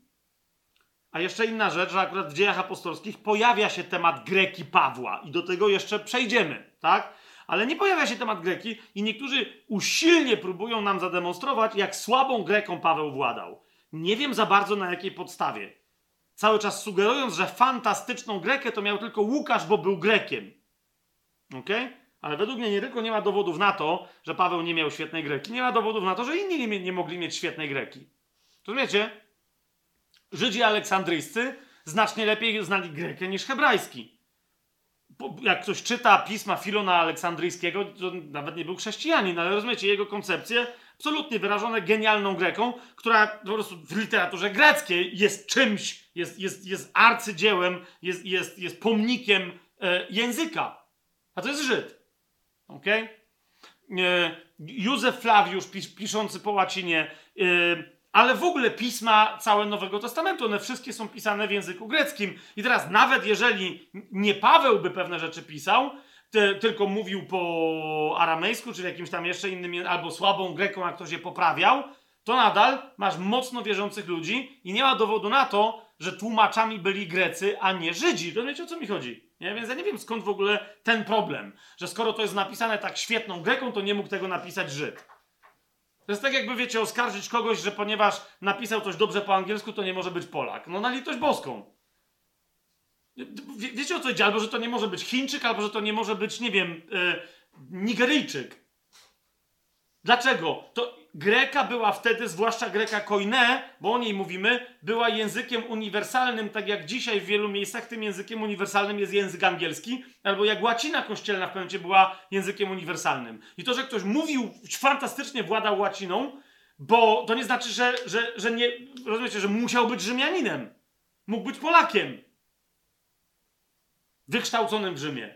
Czy to jest jasne? Więc to nie jest absolutnie żaden dowód, że ktoś ma taką czy inną Grekę. Ale dalej, niektórzy powiadają, tu sobie aż zapisałem, istnieje problem sformułowań pewnych, które napoczynają, że się tak wyrażę, cytowanie Starego Testamentu. Jakiż to jest problem? No i niektórzy teraz egzegeci podnoszą, mówią, bo normalnie, jak Paweł cytuje Stary Testament, to pisze na przykład tak. Otwórzmy sobie list do Rzymian. Dziesiąty rozdział. W dziesiątym rozdziale, w jedenastym wersecie, Paweł mówi: Mówi bowiem pismo. I tu cytuję: Pismo, każdy, kto w niego wierzy, nie będzie zawstydzony. No i potem mówią, że wielu innych autorów mówi, że kiedy cytują pismo, że stało się tak, aby się wypełniło pismo, albo bo tak mówi pismo. Okej, okay, ale bardzo często nawet Paweł mówi, że tak mówi pismo, kiedy pismo mówi o czymś. Bo zauważcie, w samym liście do Rzymian, na przykład w dziewiątym wersecie, e, w dziewiątym rozdziale, w siedemnastym wersecie czytamy Mówi bowiem pismo do Faraona, po to właśnie cię wzbudziłem i tak dalej, i tak dalej. Nie? Więc to nie jest ogólny cytat z pisma, tylko że pismo coś mówi do kogoś. Tutaj również w dziesiątym rozdziale pismo coś mówi do kogoś. Do kogo? Do nas. Na temat naszego nawrócenia. W jedenastym rozdziale listu do Rzymian, w drugim wersecie, Bóg nie odrzucił swojego ludu, który przedtem znał. Czyż nie wiecie, co pismo mówi o Eliaszu? Więc znowu, to nie jest to, że pismo mówi, tak? No jest! Jak się skarży przed Bogiem na Izraela, dobrze, okej, okay, ale to jest, że pismo coś mówi o kimś. Ale niektórzy mówią, nie, nie. Za każdym razem, kiedy pra prawdziwy Paweł cytuje pismo, to mówi, to mówi pismo. Albo tak mówi pismo, tak mówi. Jeszcze raz, to sobie sprawdźcie, ile razy Paweł tak mówi. To jest jedno. Ale okej, okay, taki jest argument, a potem pada jaki argument? A kiedy autor listu do Hebrajczyków cytuje Pismo Święte, to nie wiadomo, co się dzieje.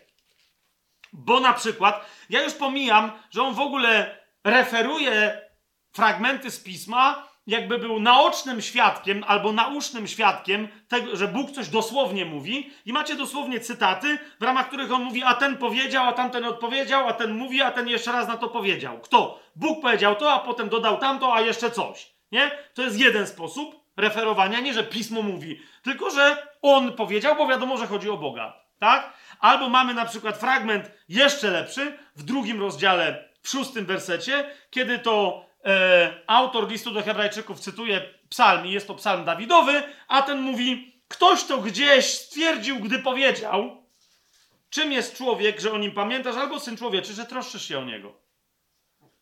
To nie może być Paweł. Paweł by napisał: Tak mówi pismo. Jeszcze raz, czy my na pewno mamy, nie chcę się teraz wdawać, wiecie, tu w analizę całą słownictwa i tak dalej, i tak dalej, i tak dalej. Zamiast się w to wszystko wdawać, chcę się powołać na Żydów samych w sobie. Otwieram komentarz żydowski do Nowego Testamentu Davida e, Sterna. Ok?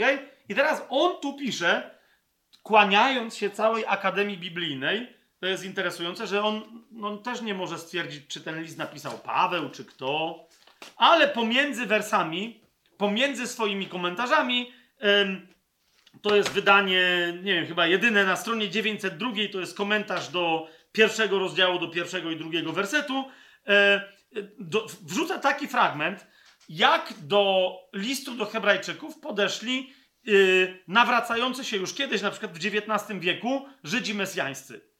Nie?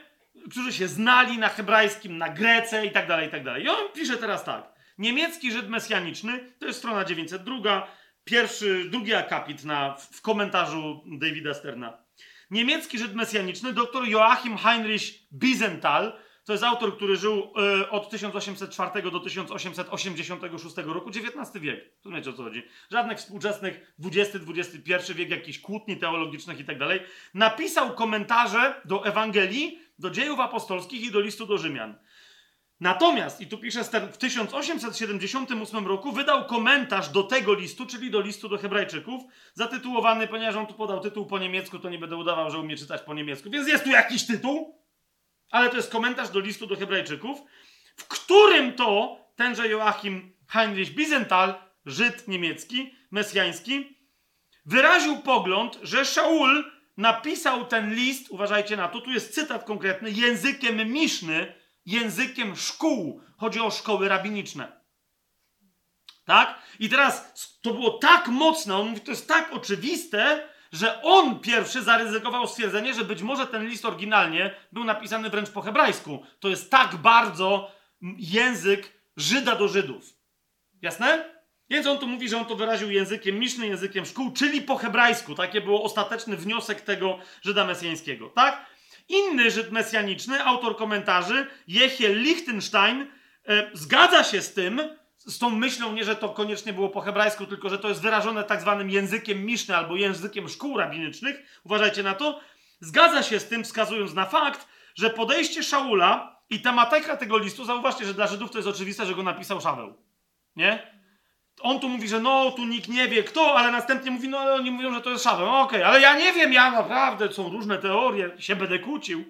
Ale zgadza się z tym, wskazując na fakt, że podejście Szaula, uważajcie na to, i tematyka tego listu różnią się od jego innych listów z tego właśnie powodu, że tamte pisał do nieżydów, ten zaś do Żydów, posłuszny własnej radzie, aby stać się Żydem dla Żydów. Pierwszy do Koryntian 9, 9 rozdział 19 werset. Co to oznacza? To oznacza, że porównywanie listu Żyda do Żydów z listami Żyda do nieżydów nie ma najmniejszego sensu, bo będą inaczej gadać. Rozumiecie o co mi chodzi? W każdym środowisku, które ma swój język, specyficzny sposób myślenia, wyrazu i tak dalej, jak ktoś jest, nie wiem, gitem w więzieniu, będzie z innymi gitami gadał właściwym językiem, a potem wyjdzie do normalnych jakichś tam kogoś, ludzi na zewnątrz i będzie, no wiecie o co mi chodzi, i będzie gadał ich językiem, żeby, albo będzie przy nich gadać szyfrem, żeby tylko swoi zrozumieli, tak? To, to samo jest z każdą inną. Młodzież ma swoje języki, hip-hopowcy, raperzy mają swoje jakieś tam przekazy, których nikt inny nie rozumie, ale kto ma rozumieć, ten rozumie i tak dalej, i tak dalej. To samo jest tutaj, ok? Czyli ten sposób mówienia jest charakterystyczny dla żydowskiego nauczyciela, który naucza Żydów w żydowski sposób. Czy ma to sens? Jeżeli więc miałby to pisać Paweł jako genialny nauczyciel żydowski, to zmienia język, sposób sformułowania. Każde to sformułowanie, jeżeli on mówi, ten powiedział to, tamten powiedział tamto, a potem mówi, a ktoś kiedyś gdzieś powiedział, że każde to sformułowanie ma, swo ma swoje techniczne zastosowanie w wykładzie Miszny, czy w wykładzie Talmudu, czy w wykładzie szkół rabicznych. To ma to sens? Jak ktoś nie bierze udziału w tamtym mm, yy, sposobie pracy i w tamtym sposobie studiowania Biblii, to nie rozumie, na czym polega różnica między takim a tym, a innym wyrażeniem. Jasne? Natomiast kto bierze udział, od razu widzi o co chodzi. Więc jedyne co stwierdza, że ktoś, kto napisał ten list, napisał go świetną Greką, ale był ewidentnie Żydem po żydowsku, po hebrajsku myślącym. I to jest wszystko. Tak? To nie jest żaden dowód, że taki sam Żyd mógłby następnie po grecku napisać do pogan zupełnie inaczej cytując Pismo Święte. Ma to sens? On, jak im cytuje Pismo Święte, musi im wyjaśnić, że cytuje Pismo Święte, a tu on wie, że pisze do ludzi, którzy znają Pismo Święte, więc zamiast mówić, że cytuje Pismo Święte do ludzi, którzy wiedzą, że on cytuje Pismo Święte, mówi to w taki sposób, żeby zasugerować, co myśli o autorze ludzkim albo boskim danego tekstu, albo co myśli, że on myślał, kiedy mówił, kto do kogo się zwracał, bo często zauważcie, e, w liście do Hebrajczyków wiemy, że na przykład syn mówi do ojca, a to nie wynika z oryginalnego tekstu. Wiecie? Więc cytat nie jest taki, że to mówi pismo, tylko że w piśmie, które wszyscy znamy, to mówi syn do ojca. A ci, którzy czytają pismo, ale nie wiedzą nic na temat koncepcji Trójcy Świętej, w ogóle nie wiedzą, że jest ojciec, syn i duch święty. Rozumiecie o co mi idzie?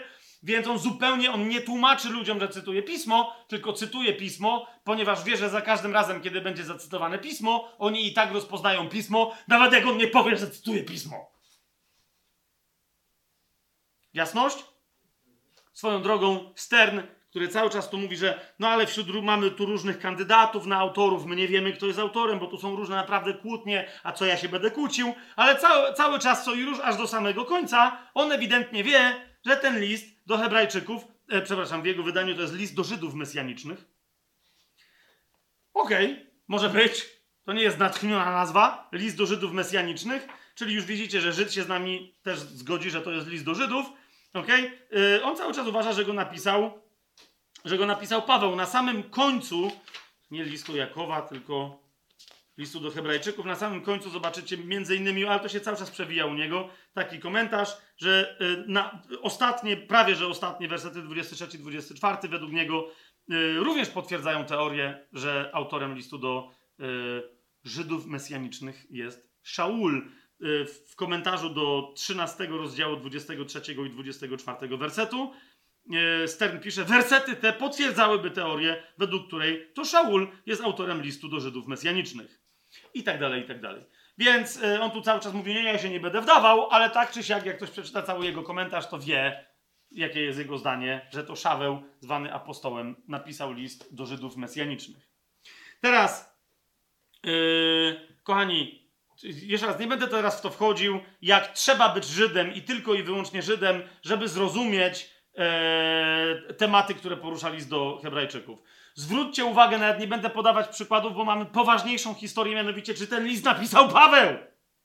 Czy on go napisał? Czy innego szukać mamy? Ile na tym można stracić, że to nie Paweł napisał? A ile kto by zyskał, gdyby to napisał ktoś inny? Więc więc zwróćcie uwagę, jak często ewidentnie ktoś, kto musi być Hebrajczykiem jako autor tego listu, odnosi się do tradycji hebrajskiej i mówi my. Jak często pojawia się to określenie my. My to jest nasza historia, to jest nasza kultura, to jest nasza świątynia. My to jest w naszych obyczajach, to jest w naszej przeszłości itd. Tak itd. Tak Jasne? Zatem, zatem kto jest e, odbiorcą tutaj od drugiego wersetu? my, jako ci, którzy mieli ojców hebrajskich, do których przemawiał Bóg. Czy to jest jasne? Tak? Dobrze. Teraz, kochani, chcę Wam powiedzieć coś, coś innego, co, co jest wobec tego bardzo szokujące. Zanim pójdziemy dalej. Bo jeżeli tak jest, to mamy odwrócony okulnik Zauważcie, zauważcie, trzy razy w Biblii pojawia się określenie rozesłać okulnik, wystosować pismo. Dwa razy odnosi się do czego? Do pisma, w którym Żydzi tłumaczą poganom, od czego się mają powstrzymać. Zgadza się? I otrzymują oni tam e, pięć rzeczy, cztery rzeczy, od których się mają powstrzymać. Pamiętacie? O, o, no, przypomnijmy sobie szybciutko. Dokładnie tam, gdzie, gdzie już byliśmy, co są dzieje apostolskie, 15 rozdział. 22 e, werset, wtedy apostołowie i star, dobra, ok, posłali do nich, e, przez nich takie pismo. 23 werset. Apostołowie, starsi i bracia przesyłają pozdrowienia. Dobra, okej. Okay. 24 werset. Słyszeliśmy, że pewni ludzie wyszli od nas, zaniepokoili was słowami, wzburzyli wasze dusze, mówiąc, że musicie zostać obrzezani i zachowywać prawo, czego im nie przykazaliśmy. Natomiast co im przykazaliśmy? Yy, 29 werset. Wstrzymujcie się od ofiar składanych bożkom, od krwi, od tego, co uduszone i od nierządu. Jest? Jest? Dwukrotnie dzieje apostolskie mówią o tym liście, że to było wystosowane pismo. Trzeci raz ten czasownik wystosować pismo odnosi się do jakiego tekstu? Do listu do Hebrajczyków, nie? Jeżeli tak jest, rozumiecie, a język tu jest bardzo podobny, tak? To, czyli to może być Łukasz, albo to może być Paweł, którego Grekę zna Łukasz i oni na, na, na siebie nawzajem wpływają. W każdym razie, macie zauważ, zauważcie, blisko współpracujących autorów, którzy razem pisali Łukasza i Pawła. Ok? Ale tak czy siak, wygląda na to, że ten list wyraźnie pije ok? Do poprzednio rozesłanego listu, który nakazywał coś poganom. Otóż tu macie list do Hebrajczyków, który poza innymi rzeczami, którego zadaniem jest powiedzieć, a teraz poganie zwracają wam uwagę, od czego wy się macie powstrzymywać. Jest, jest paru komentatorów, bardzo poważnych komentatorów, którzy mówią, nie da się przed tym, nie da się o, o, przejść obojętnie wobec tego faktu. Dlaczego? Ponieważ już w preambule do tego listu, w drugim rozdziale, mamy wyraźnie napisane, że to będzie list, który ich ostrzeże przed czterema śmiertelnymi błędami. Ok, zobaczcie drugi rozdział listu do Hebrajczyków, wersety pierwszy i drugi. Nie? Czyli pierwszy rozdział przedstawia, że to Bóg przemawiał do, do Żydów i ostatecznie przemówił przez syna, i to jest tak ostateczna przemowa, że już nie ma żadnego innego. Jasne?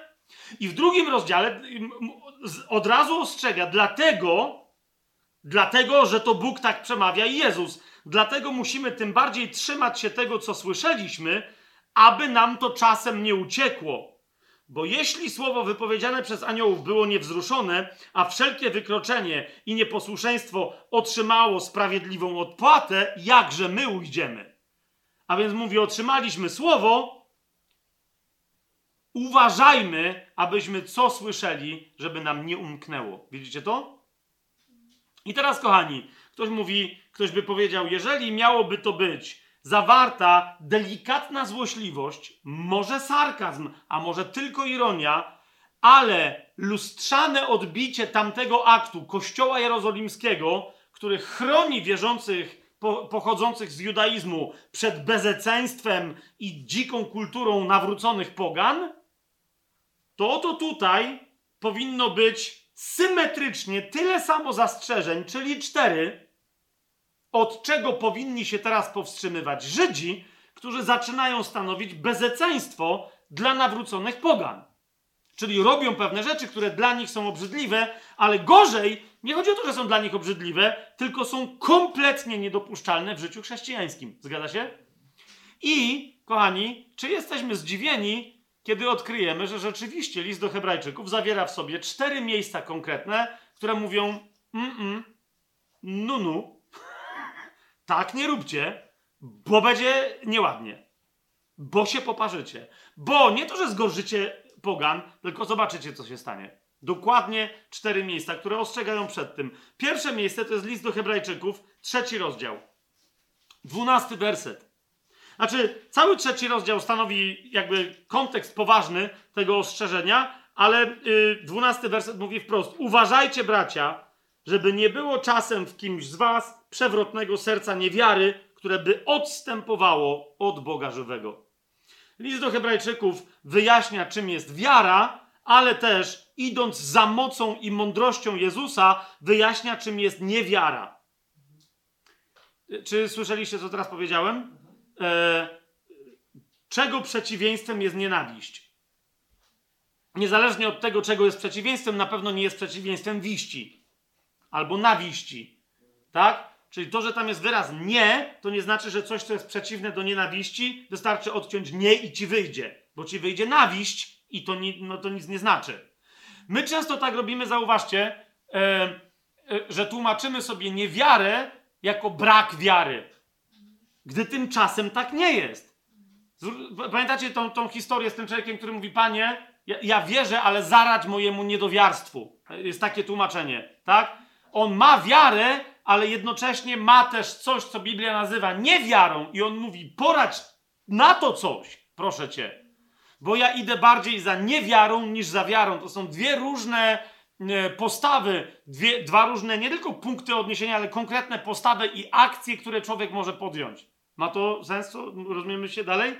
I teraz ten fragment tu mówi dokładnie o tym, że Żydzi twierdzili, że wierzą, ale szli za wzorcem rosnącej w ich sercach niewiary. To jest siła, która się sprzeciwia wierze. To nie jest brak wiary, to jest siła, która występuje przeciwko wierze. Ma to sens? Ok? Więc uważajcie, bracia, trzeci rozdział, dwunasty werset, żeby nie było czasem w kimś z was przewrotnego serca niewiary. Oczywiście problem polega na tym, że to jest serce, które, które idzie za niewiarą.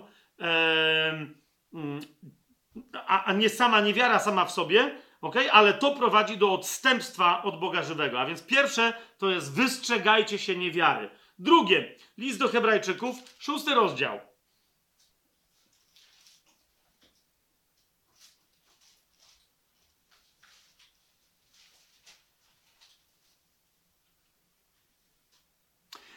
Może inaczej, żeby szósty rozdział był zrozumiały, potrzebujemy zobaczyć, co się dzieje w piątym rozdziale, w dwunastym wersecie, bo ten problem się tam zaczyna.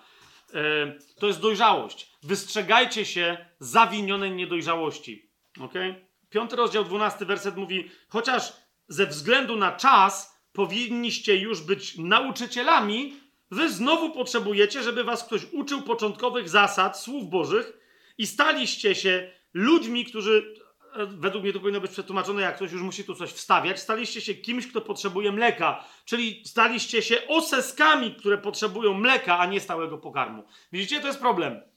I teraz, yy, i teraz yy, autor tego listu idzie dalej, mówi, dlatego, szósty rozdział, pierwszy werset, zostawmy podstawowe nauki yy, o Chrystusie, ale zastrzega, że nie zostawmy, że one są nieważne, tylko nie o tym teraz chcę mówić. Chcę mówić o zaawansowanych rzeczach, tak? Więc na razie sobie to odkładam i mówi, że możemy kiedyś do tego wrócić. Trzeci werset. I to uczynimy, jeżeli Bóg pozwoli. Tylko mówi, ja teraz będę mówić o rzeczach bardziej zaawansowanych. Jeżeli wy teraz będziecie czytać i nie rozumiecie, o co mi chodzi, to znaczy, że nie macie podstaw, a to znaczy, że się nie rozwijacie i że jesteście w zawiniony sposób infantylni w zawiniony, nie, wy nie jesteście dziećmi, jesteście infantylni, jesteście zdziecinniali, chcecie być prymitywni, chcecie nie mieć wiedzy. Nie mieć poznania, powinniście już innych nauczać, bo jako pierwsi przyjęliście poznanie, a inni mogą was swobodnie nauczać. Więc to jest to, nie? żeby się wystrzegać braku rozwoju, braku dojrzałości. Że, czyli krótko mówiąc, żeby się rozwijać. Następna rzecz, trzecia, to jest dziesiąty rozdział listu do Hebrajczyków od 26 wersetu. Pa, autor, oczywiście, że Paweł, ale to sobie musimy dopiero udowodnić, pisze do Hebrajczyków, żeby się wystrzegali świadomego grzeszenia. Ok? Mówi do nich, jeżeli bowiem, to jest 10 rozdział, 26 werset do 29, jeżeli bowiem dobrowolnie grzeszymy po otrzymaniu poznania prawdy, to nie pozostaje już ofiara za grzechy, lecz jakieś straszliwe oczekiwanie sądu i żar ognia, który strawić ma przeciwników.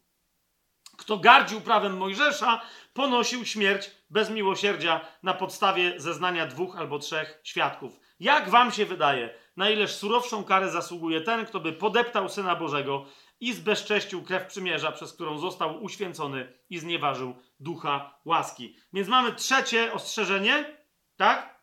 Pierwsze przeciwko duchowi niewiary, przeciwko sercu, które podlega niewierze. Drugie przeciwko niechęci do tego, aby dojrzewać wierze. Trzecie przeciwko świadomemu grzeszeniu. To, co jest związane z poprzednimi, ok? I czwarte to jest rozdział dwunasty. Najpierw wersety od. Yy, rozdział dwunasty. Wersety od 15 do 17. Znowu autor tego listu pisze: Uważajcie, żeby nikt nie pozbawił się, uwaga, łaski Boga.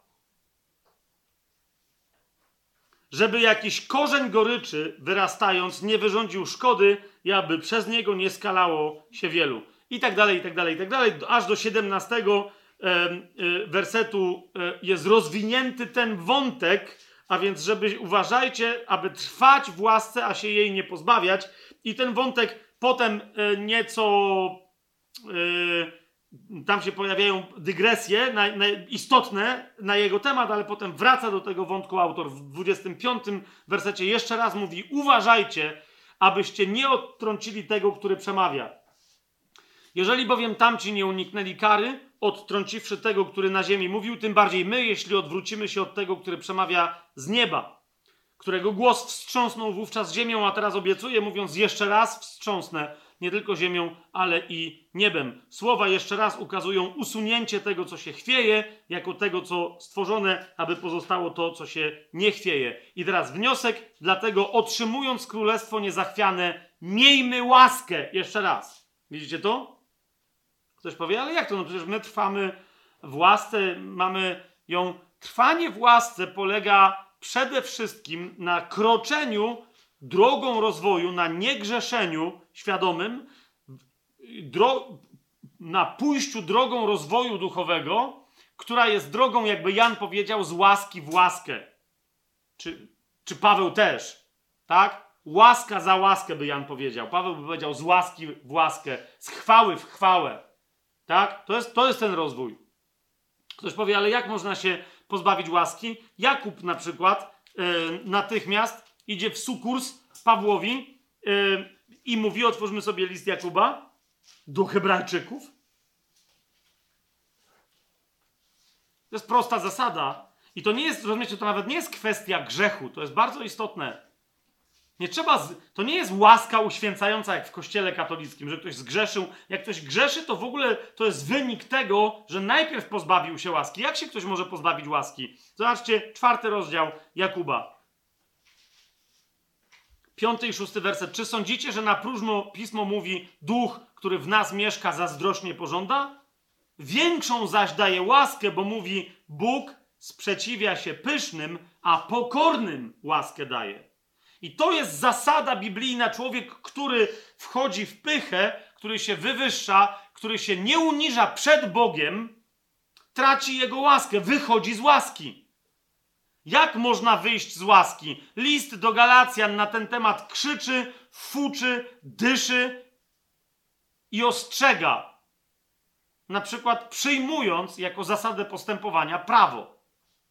Dlaczego? Ponieważ ktoś czyni siebie decydentem o tym, czy mu się coś należy w życiu, czy nie. Dlaczego? Bo wypełnia jakieś zasady, które przyjął, że jak je wypełni, to należy mu się łaska. Otóż łaska, jak, sama, jak samo słowo polskie, dobrze oddające i hebrajskie, i, grec, i, i greckie, łaska oznacza, że ktoś ci robi łaskę, a nie, że ty jemu coś robisz, czy łaskę, czy nie. Jeżeli ktoś ci robi łaskę, to dlatego, że ty nie zasługujesz na nic z jego strony, ale on chce ci wyświadczyć łaskę. Nie przysługę, tylko łaskę.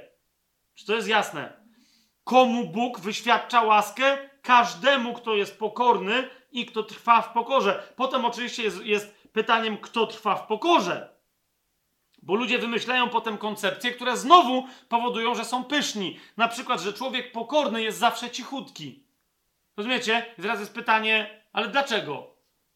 Człowiek pokorny to jest ten według Słowa Bożego, kto się nie przejmuje opinią ludzką, ale bazuje tylko i wyłącznie na opinii Bożej. kto pełni tylko i wyłącznie Jego wolę i robi dokładnie to, co wie, że Bóg chce, żeby on zrobił. Tak? I teraz, czy ludzie to widzą, postrzegają jako cichość, jako uległość lub jako e, arogancję czy agresję, to nie ma żadnego znaczenia. Tak długo, jak długo ty wiesz w swoim sercu i inni, którzy znają wolę Bożą, że postępujesz w zgodzie z tą wolą. Ci, którzy się korzą pod mocną ręką Boga, ci chodzą w łasce. Ci, którzy się korzą pod mocnym uciskiem prawa, religii, jakichś zasad, które wyznają, rozumiecie? Oni mówią, przecież ja nie grzeszę, ja tu wszystkiego przestrzegam. No, Okej, okay. ale z tego powodu się spodziewasz, że coś ci się w życiu należy? To w takim razie nie jesteś pokorny. To jest pycha duchowa. E, jest to jasne, co, e, e, o, o czym teraz mówimy? Zatem, tak, nie będę teraz tej, tej, tej myśli rozwijać, ale wróćmy do, 20, do 12 rozdziału listu do Hebrajczyków. Zauważcie, że ten 12 rozdział mówi o tym, że my bierzemy udział w zawodach sportowych, bierzemy udział w biegu, E, w którym mamy fanów, to są ci, którzy nas poprzedzili, to są m.in. ci, którzy są opisani w 11 rozdziale listu do Hebrajczyków.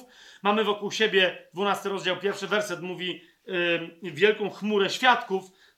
Określenie, które równie dobrze naprawdę możemy z greckiego przetłumaczyć jako cały tłum kibiców, cały tłum fanów. To o to chodzi. Nie? Ludzi, którzy już skończyli, to są byli sportowcy, byli biegacze, ale oni teraz nam kibicują, żebyśmy my dobiegli do mety o właściwym czasie, we właściwy sposób, zgodnie z zasadami. Więc on teraz, i teraz Paweł o czym mówi w tym dwunastym rozdziale, zrzućmy z siebie, zwróćcie uwagę, w tym pierwszym wersecie, wszelki ciężar i grzech. Ok? Grzech jest coś oczywiście, z czego musimy zrezygnować, ale zwróćcie uwagę, że ciężar jest czymś innym niż grzech, a co tak czy siak, podobnie jak grzech łatwo nas osacza yy, i nie pozwala nam w cierpliwości biec w wyznaczonym nam wyścigu. Jasne? Czym to jest? To jest to wszystko, co nam odbiera chodzenie w łasce Boga. Okay? O, o czym to mówi Paweł w 15 wersecie? Uważajcie, żeby nikt nie pozbawił się łaski Boga. Okay? I dalej 28 werset. Miejmy łaskę, przez którą możemy służyć Bogu tak, jak mu się to podoba z czcią i bojaźnią. Widzicie o co chodzi? Łaska należy do kogoś, kto jest pokorny, kto po prostu chce służyć Bogu i wtedy chodzi pod łaską. Ktoś, kto chce służyć prawu, nawet jeżeli mówi, że robi to dla Boga, kapujecie, to nie służy Bogu. Ktoś, kto robi coś dla pieniędzy, ktoś, kto robi coś dla swojej rodziny, ktoś, kto coś robi dla swojego kościoła. Nieważne, jak dobra jest to motywacja, ale jeżeli w tej motywacji decydentem na temat w związku z tą motywacją nie jest Bóg, sam jeden, jedyny, to masz problem, siostro i bracie, to ja mam wtedy problem, ponieważ wtedy jesteśmy absolutnie bezczelni, stoimy w samym środku pychy. I nie ważne, że ty mówisz, ale ja to robię dla Boga. Czy Bóg ci kazał to robić? To jest jedyne pytanie. Czy Bóg ci kazał to robić? Zwracanie się nawet z pytaniem e, o, o, o, ocenę tego, co my robimy. Nawet nie z pytaniem, co my mamy robić, ale potem z, z pytaniem o ocenę tego, co my robimy, czy co zrobiliśmy, do kogoś innego niż Bóg, rozumiecie, jest tak bardzo pyszne, że Jezus mówi, że jest przeszkodą, żeby w Niego uwierzyć. W Ewangelii Jana, w piątym rozdziale, 44 y, wersecie, Pan Jezus mówi, jakże możecie wierzyć, w sensie, bo Jezus mówi, że w, no w Niego, tak? Bo On przyszedł w imieniu Boga, okej. Okay. Ale jakże możecie wierzyć, skoro przyjmujecie chwałę jedni od drugich, a nie szukacie chwały, która jest tylko i wyłącznie od Boga. Mamy tłumaczenie, że która jest od samego Boga, ale tutaj w języku greckim chodzi o to, że która pochodzi tylko i wyłącznie od Niego. Nie? A nie, że niektórzy ludzie przychodzą i oni ci dają opinię, która według nich jest opinią Boga. Pytanie brzmi, ale po co ci człowiek? Jeżeli ja ci daję bezpośredni dostęp do Boga, to się jego spytaj. Okay? Jeżeli Bóg cię może otoczyć chwałą, on swoją drogą chce to zrobić. Zauważcie, w wielu miejscach Biblia mówi o tym, że On nas otacza chwałą jako swoich wybranych, że On nas uwielbia, że On nas już uwielbił i tak dalej, i jeszcze uwielbi i tak dalej. Nie tylko Jezusa. Ok? Ale to się nie wydarzy, jeżeli my Jemu nie uwierzymy. A my Jemu nie uwierzymy, jeżeli będziemy się obracać na zdanie innych ludzi na nasz temat. Żeby oni nas, nam udzielili chwały albo udzielili nagany, żeby oni nas korygowali. Tak?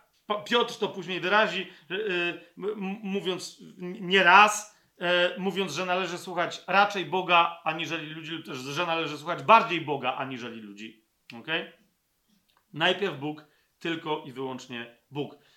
Jesz jeszcze raz zobaczcie, e, jeżeli list do Hebrajczyków stanowi anty, nie anty, ale odpowiedź okulnikową na niegdysiejszy list Soboru Jerozolimskiego do Pogan, a według mnie, prześledźcie sobie ten list od początku do końca, ma ewidentnie cztery punkty, one są potężne. Czym one, rozumiecie, czym jest powiedzenie, żeby ktoś jadł mięso, ale bez krwi, albo tego typu rzeczy, wo wobec tych czterech rzeczy, o których Paweł mówi, Żydzi, my mamy tendencję do robienia takich, tak, takich dziwactw, a, a to jest prawie jakbyśmy byli niewierzący.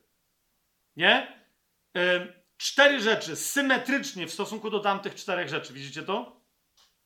Tam apostołowie z Jerozolimy, tu apostoł, którym jest Jezus, cię napomina. I w jego imieniu jakiś bezimienny, którego nawet jak wszyscy wiedzą, kto to jest, to on się celowo przedstawia jako bezimienny. Widzicie to? Brata Tymoteusza przedstawia z imienia, a on pozostaje, zauważcie, w jak e, znaczący sposób bezimienny.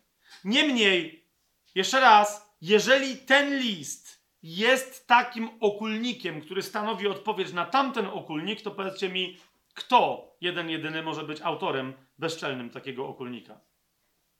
Wiecie o co mi idzie? Tylko Paweł. Ale jeszcze raz, ale jeszcze raz.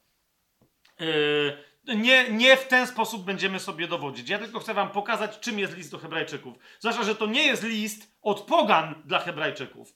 To jest list od. Yy, od kogoś, kto, kto jest z Hebrajczyków, kto twierdzi, że wyraża zdanie i ewidentnie je wyraża w kółko cytując Biblię, inne fragmenty Biblii, nawet nie zdając sobie może sprawy początkowo, że sam pisze Biblię dalej, ale w kółko cytując znany Hebrajczykom Stary Testament, de facto wyraża myśl Boga Ojca i Jego Syna, naszego Pana Jezusa Chrystusa.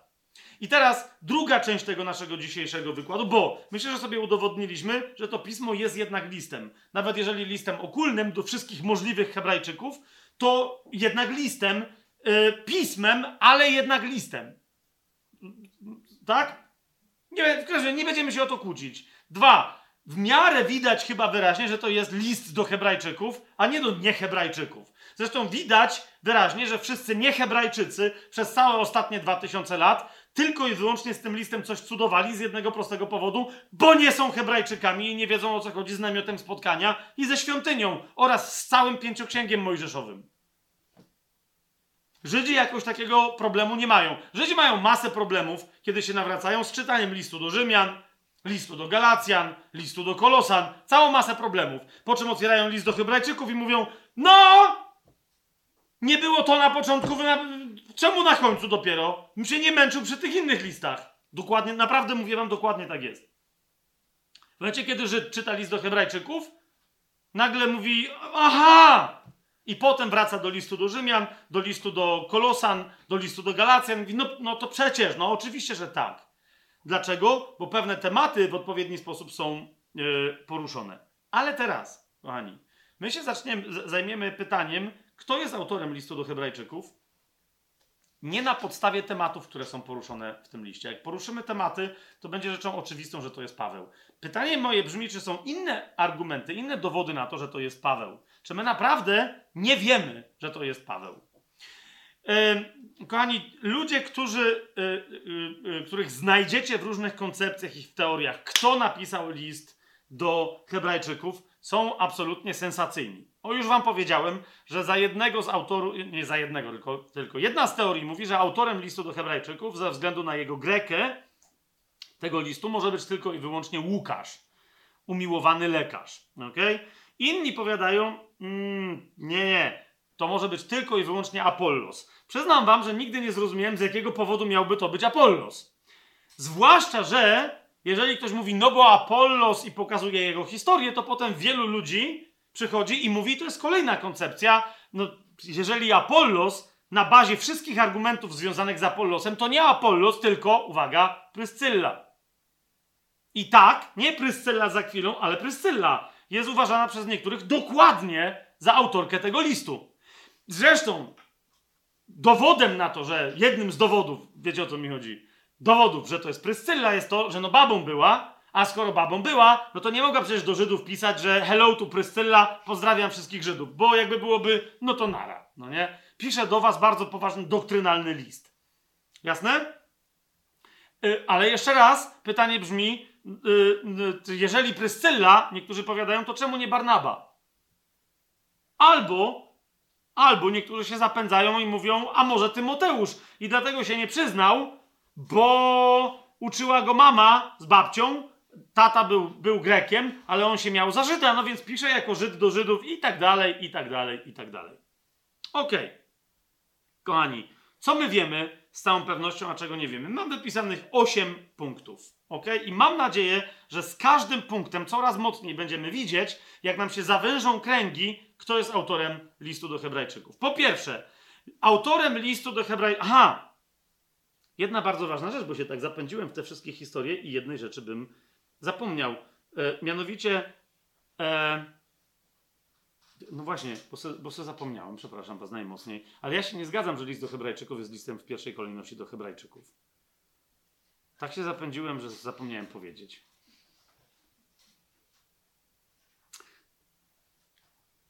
No właśnie, bo tu wróciłem do tego języka. Otóż, kochani, list do Hebrajczyków jest listem do Hebrajczyków. Nie bez przyczyny jest nazywany listem do Hebrajczyków, zwróćcie uwagę ponieważ wszystko wskazuje na to, że celem, adresatami tego listu byli Żydzi w diasporze, a nie Żydzi w Jerozolimie.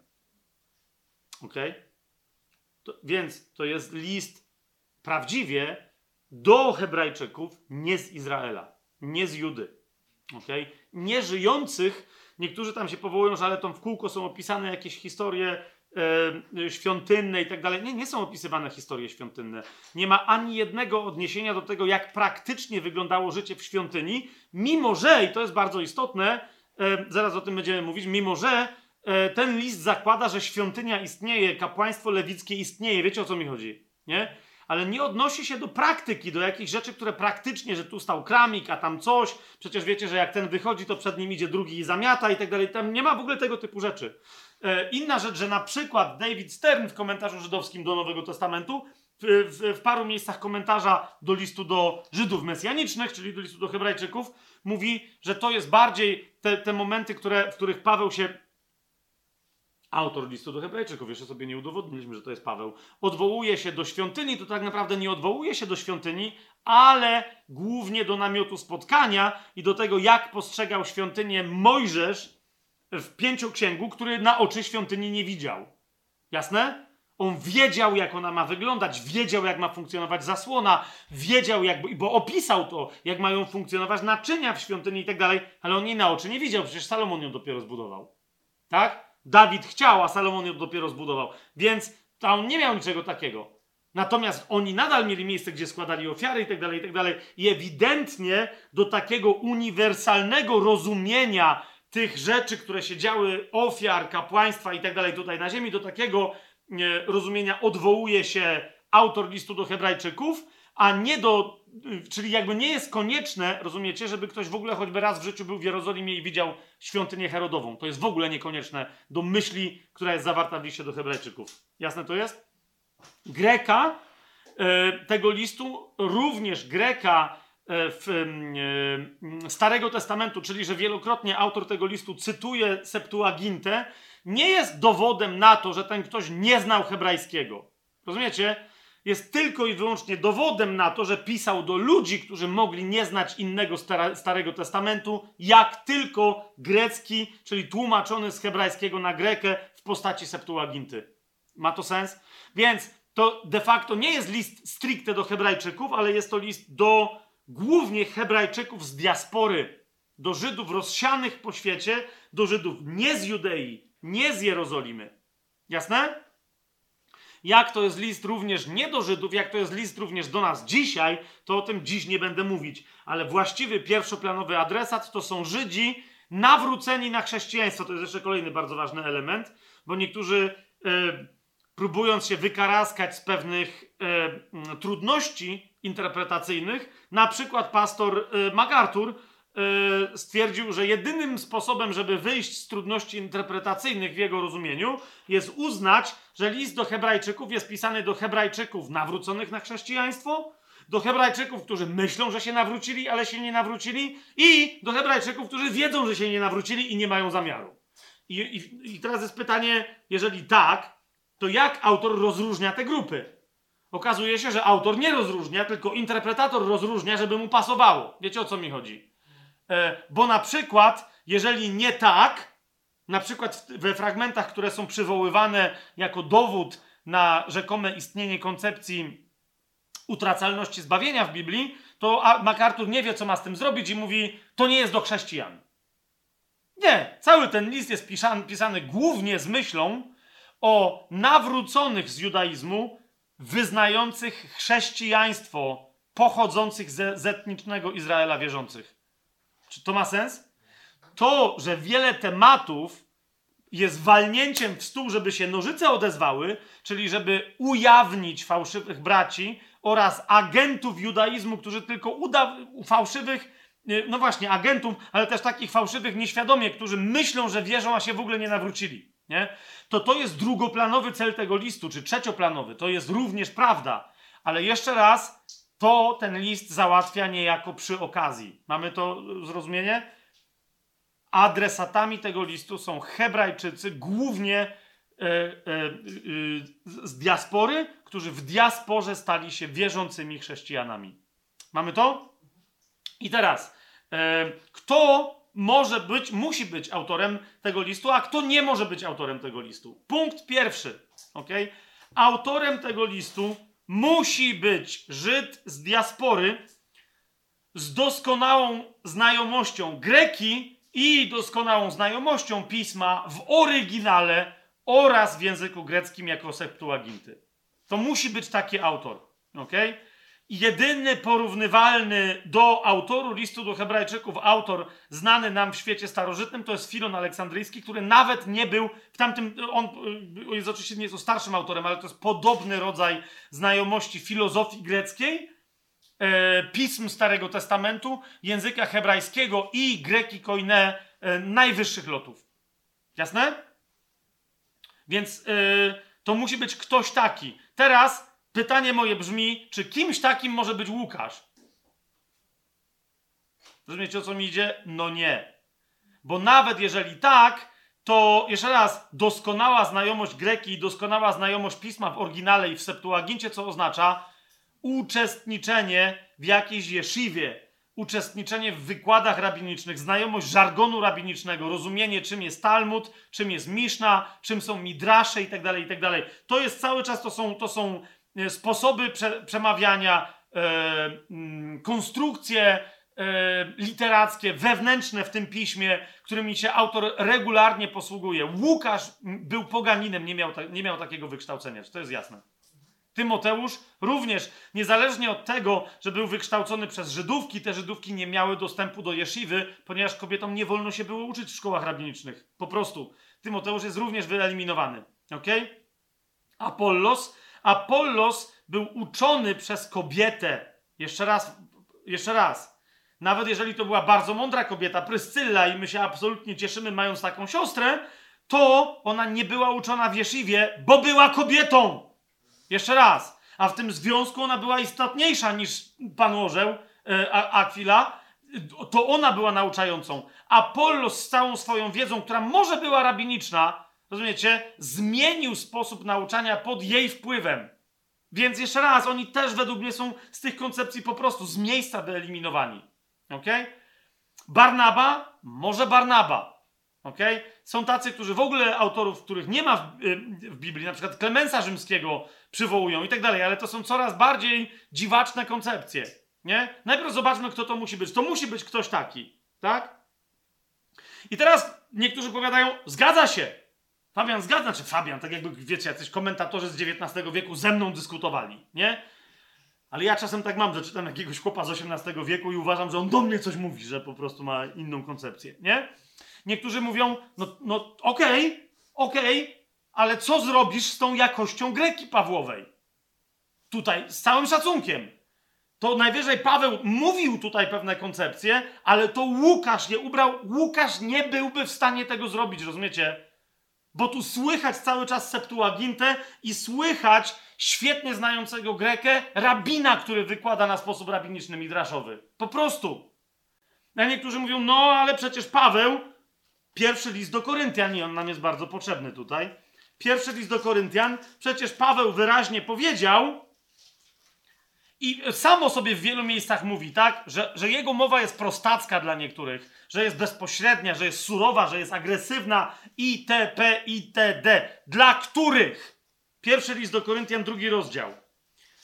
Ja, bracia, gdy do was przyszedłem, nie przybyłem z wzniosłością mowy lub mądrości, głosząc wam świadectwo Boga. Postanowiłem bowiem nie znać wśród was niczego innego, jak tylko Jezusa Chrystusa i to ukrzyżowanego. Paweł mówi wyraźnie, niektórzy mówią, no właśnie, więc Paweł nie mógł napisać listu do Hebrajczyków. Jakby pierwsza rzecz. Paweł, nie wiem czy widzicie, co tu mówi. Zobaczcie sobie Grekę oryginalną. On mówi, mógł błyszczeć mową jak grecki orator w Koryncie. Zauważcie, co chłop robi w Atenach. On po Atenach zdecydował się, że już nigdy więcej tak nie zrobi. Jak? Zauważcie, trzy cytaty z pogańskich autorów. Ok? Z poetów, z dramaturgów, Y, tylko i wyłącznie w streszczeniu kazania Pawła na Aeropagu zostawia Łukasz. Nie, on tylko mówi o najważniejszych punktach. Rozumiecie? Nawiązuje do kultury greckiej, ale mówi językiem, z którego Ateńczycy pierwsi, gdyby mówił z akcentem chociażby, ok? Źle składał zdania i pierwszy by, by, by go wyśmiali. Oni go wyśmiali, wyśmiali dopiero w którym momencie, w którym doszedł do zmartwychwstania. Ale wcześniej go słuchali absolutnie zafascynowani. Macie więc Pawła w Atenach, który jest oratorem, który nie mówi po łacinie, ani nie mówi po hebrajsku, po hebrajsku ale mówi absolutnie fantastyczną greką, nie od, odstępującą od najlepszych retorów atyńskich. Ok? I teraz Paweł mówi, że kiedy poszedł do Koryntu, postanowił z tego zrezygnować. Więcej nie błyszczeć ani mądrością, yy, którą miał, wykształceniem, które miał pogańskim, światowym, ani też umiejętnością przemawiania. Czy to jest jasne? Dwa. Kochani, bo niektórzy mówią, niech będzie, ale jak zrezygnował, to zrezygnował. Czemu by nagle miał do Hebrajczyków pisać czymś tak przepięknym? Ponieważ pierwszy list do Koryntian, pierwszy rozdział, 22 werset. Ponieważ to przekonywało Greków, a nie Żydów. Żydzi nie mieli z tym problemu. Gdy Żydzi, gdyż Żydzi domagają się znaków, a Grecy szukają mądrości. I Paweł powiedział, więc ja do Greków będę szedł z mocą. Ok? A do Żydów nie z tym, czego szukają. Dokładnie z tym, czego nie szukają, czyli z mądrością.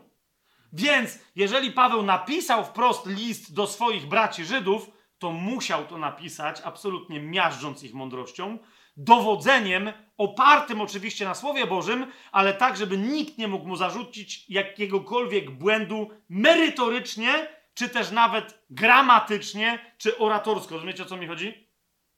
Jeszcze raz, Paweł szedł do Koryntu, Paweł powiedział, że do pogan będzie, poganom będzie okazywał moc. Dlaczego? Bo oni szukają mądrości. Ale Żydzi nie szukają mądrości, więc do nich będzie przemawiał mądrze. Ok? Jeszcze raz, gdybyście mieli e, jakąś tam wątpliwość, otwórzmy sobie dzieje apostolskie, tam wątpliwość.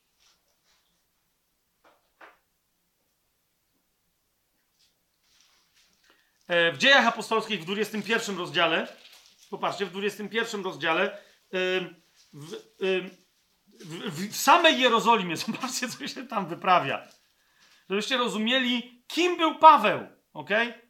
Samej Jerozolimie. Pamiętacie, jak go tam aresztują przed Sanhedrynem, tam całe akcje, tam ci tam ślubują, że do ust nic nie wezmą, póki go nie zabiją. Te wszystkie historie, tak? W 21 rozdziale, w 37 wersecie czytamy. I dalej. A gdy Paweł miał być wprowadzony do twierdzy, zapytał dowódcę, czy wolno mi coś do ciebie powiedzieć? A on odpowiedział, mówisz po grecku? No to jest pierwsza akcja. Czy nie jesteś tym Egipcjaninem, który przed tymi dniami wzniecił rozruchę i wyprowadził na pustynię 4000 zabójców? A Paweł powiedział: Jestem Żydem, ale zaznacza mu starsu, obywatelem znacznego miasta w Cylicji. Zwróćcie uwagę, on dopiero później ujawni, że jest też Rzymianinem i jest jeszcze bardziej zaplątany, zaplątana historia. Czyli jak jest Rzymianinem i to z pochodzenia, to znaczy, że mówi po łacinie, ale teraz przedstawia mu się jako kto? Jako ktoś, kto mówi absolutnie doskonałą Greką. Ok? Ponieważ przedstawia się jako obywatel znacznego miasta w Cylicji, czyli Tarsu. Ok? Więc mówi, nie dziw się, że mówię po grecku, bo ja jestem Grekiem. Żydem, co prawda, ale z Cylicji. Bo jest pytanie, czy mówisz po grecku. Widzicie, co się dzieje? Niemniej, najlepsza akcja, gdy chodzi o wykształcenie Pawła, pojawia się teraz. Dlatego proszę cię, pozwól mi przemówić do ludu. Gdy pozwolił, Paweł stojąc na schodach, końcówka wersetu przemówił, ale po hebrajsku. no i masz! Nawet nie po aramejsku, rozumiecie? Tylko przemówił językiem pisma. A więc do tego gościa mówi, jestem wykształconym w Grece, to jest mój oryginalny język, a do Żydów mówi, no nie wiem, czy wszyscy rozumieją, co ja mówię, ale mówię językiem pisma, mówię jak uczeni w piśmie i faryzeusze. Wiecie, o co mi idzie? Lud natychmiast zamilkł powiedział, a okej, okay, to nie jest nasza walka, chłopaki na górze się spinają. Rozumiecie, to jest Paweł. To jest Paweł. Yy, I jeszcze jedna rzecz. W 26 rozdziale yy, czytamy tam o przesłuchaniu do króla Agrypy E, Paweł tam przemawia e, i Festus, a potem spotyka się z Festusem. W każdym razie, Festus odezwał się donośnym głosem do Pawła, to jest 24, 26 rozdział, 24 werset, i mówi mu: Jesteś szalony, Pawle. I teraz tu mamy ciekawe bardzo tłumaczenie. Wielka uczoność doprowadza cię do szaleństwa. Bo on tam, rozumiecie, my nie do końca wiemy, ale on mówi po hebrajsku, on mówi po aramejsku, on mówi po grecku absolutnie płynnie, mówi po łacinie, ale co się tutaj dzieje?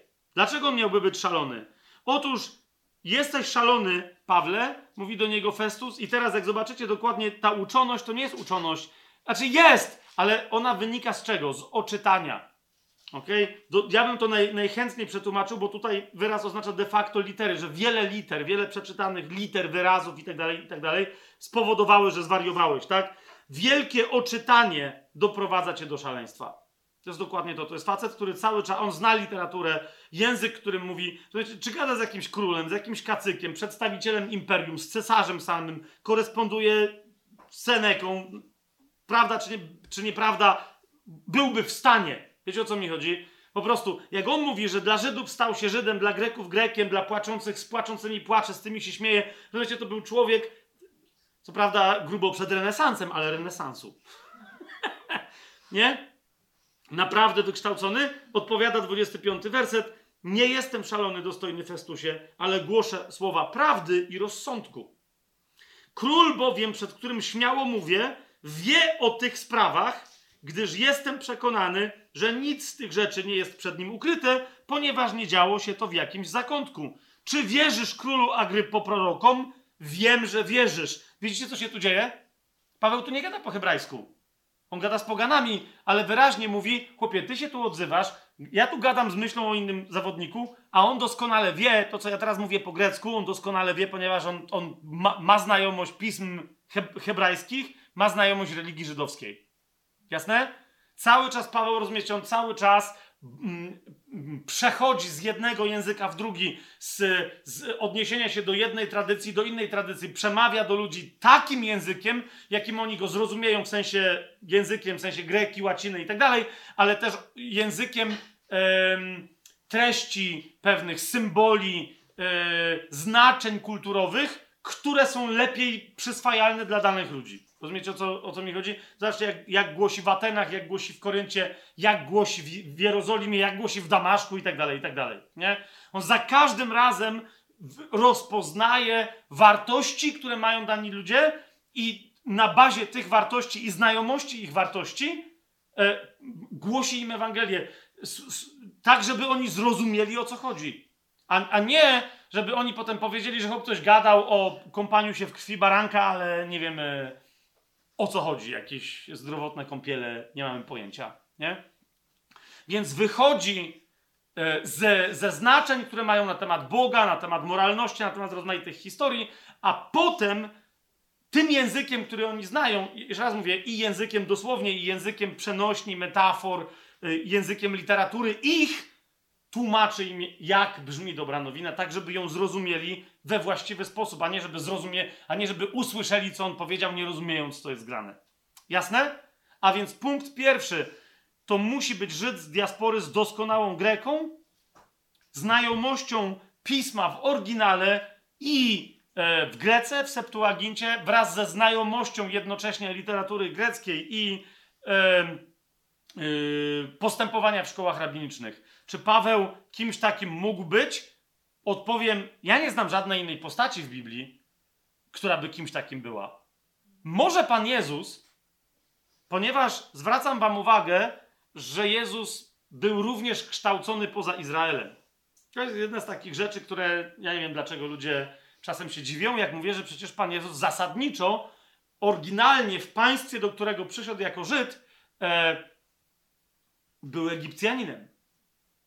To wiecie, oni nie mogli, oni przy, e, kiedy Jezus wraca ze swoimi rodzicami, wraca z uchodźstwa z Egiptu, zgadza się? Jak my teraz mamy, repa, on był repatriantem, o może tak.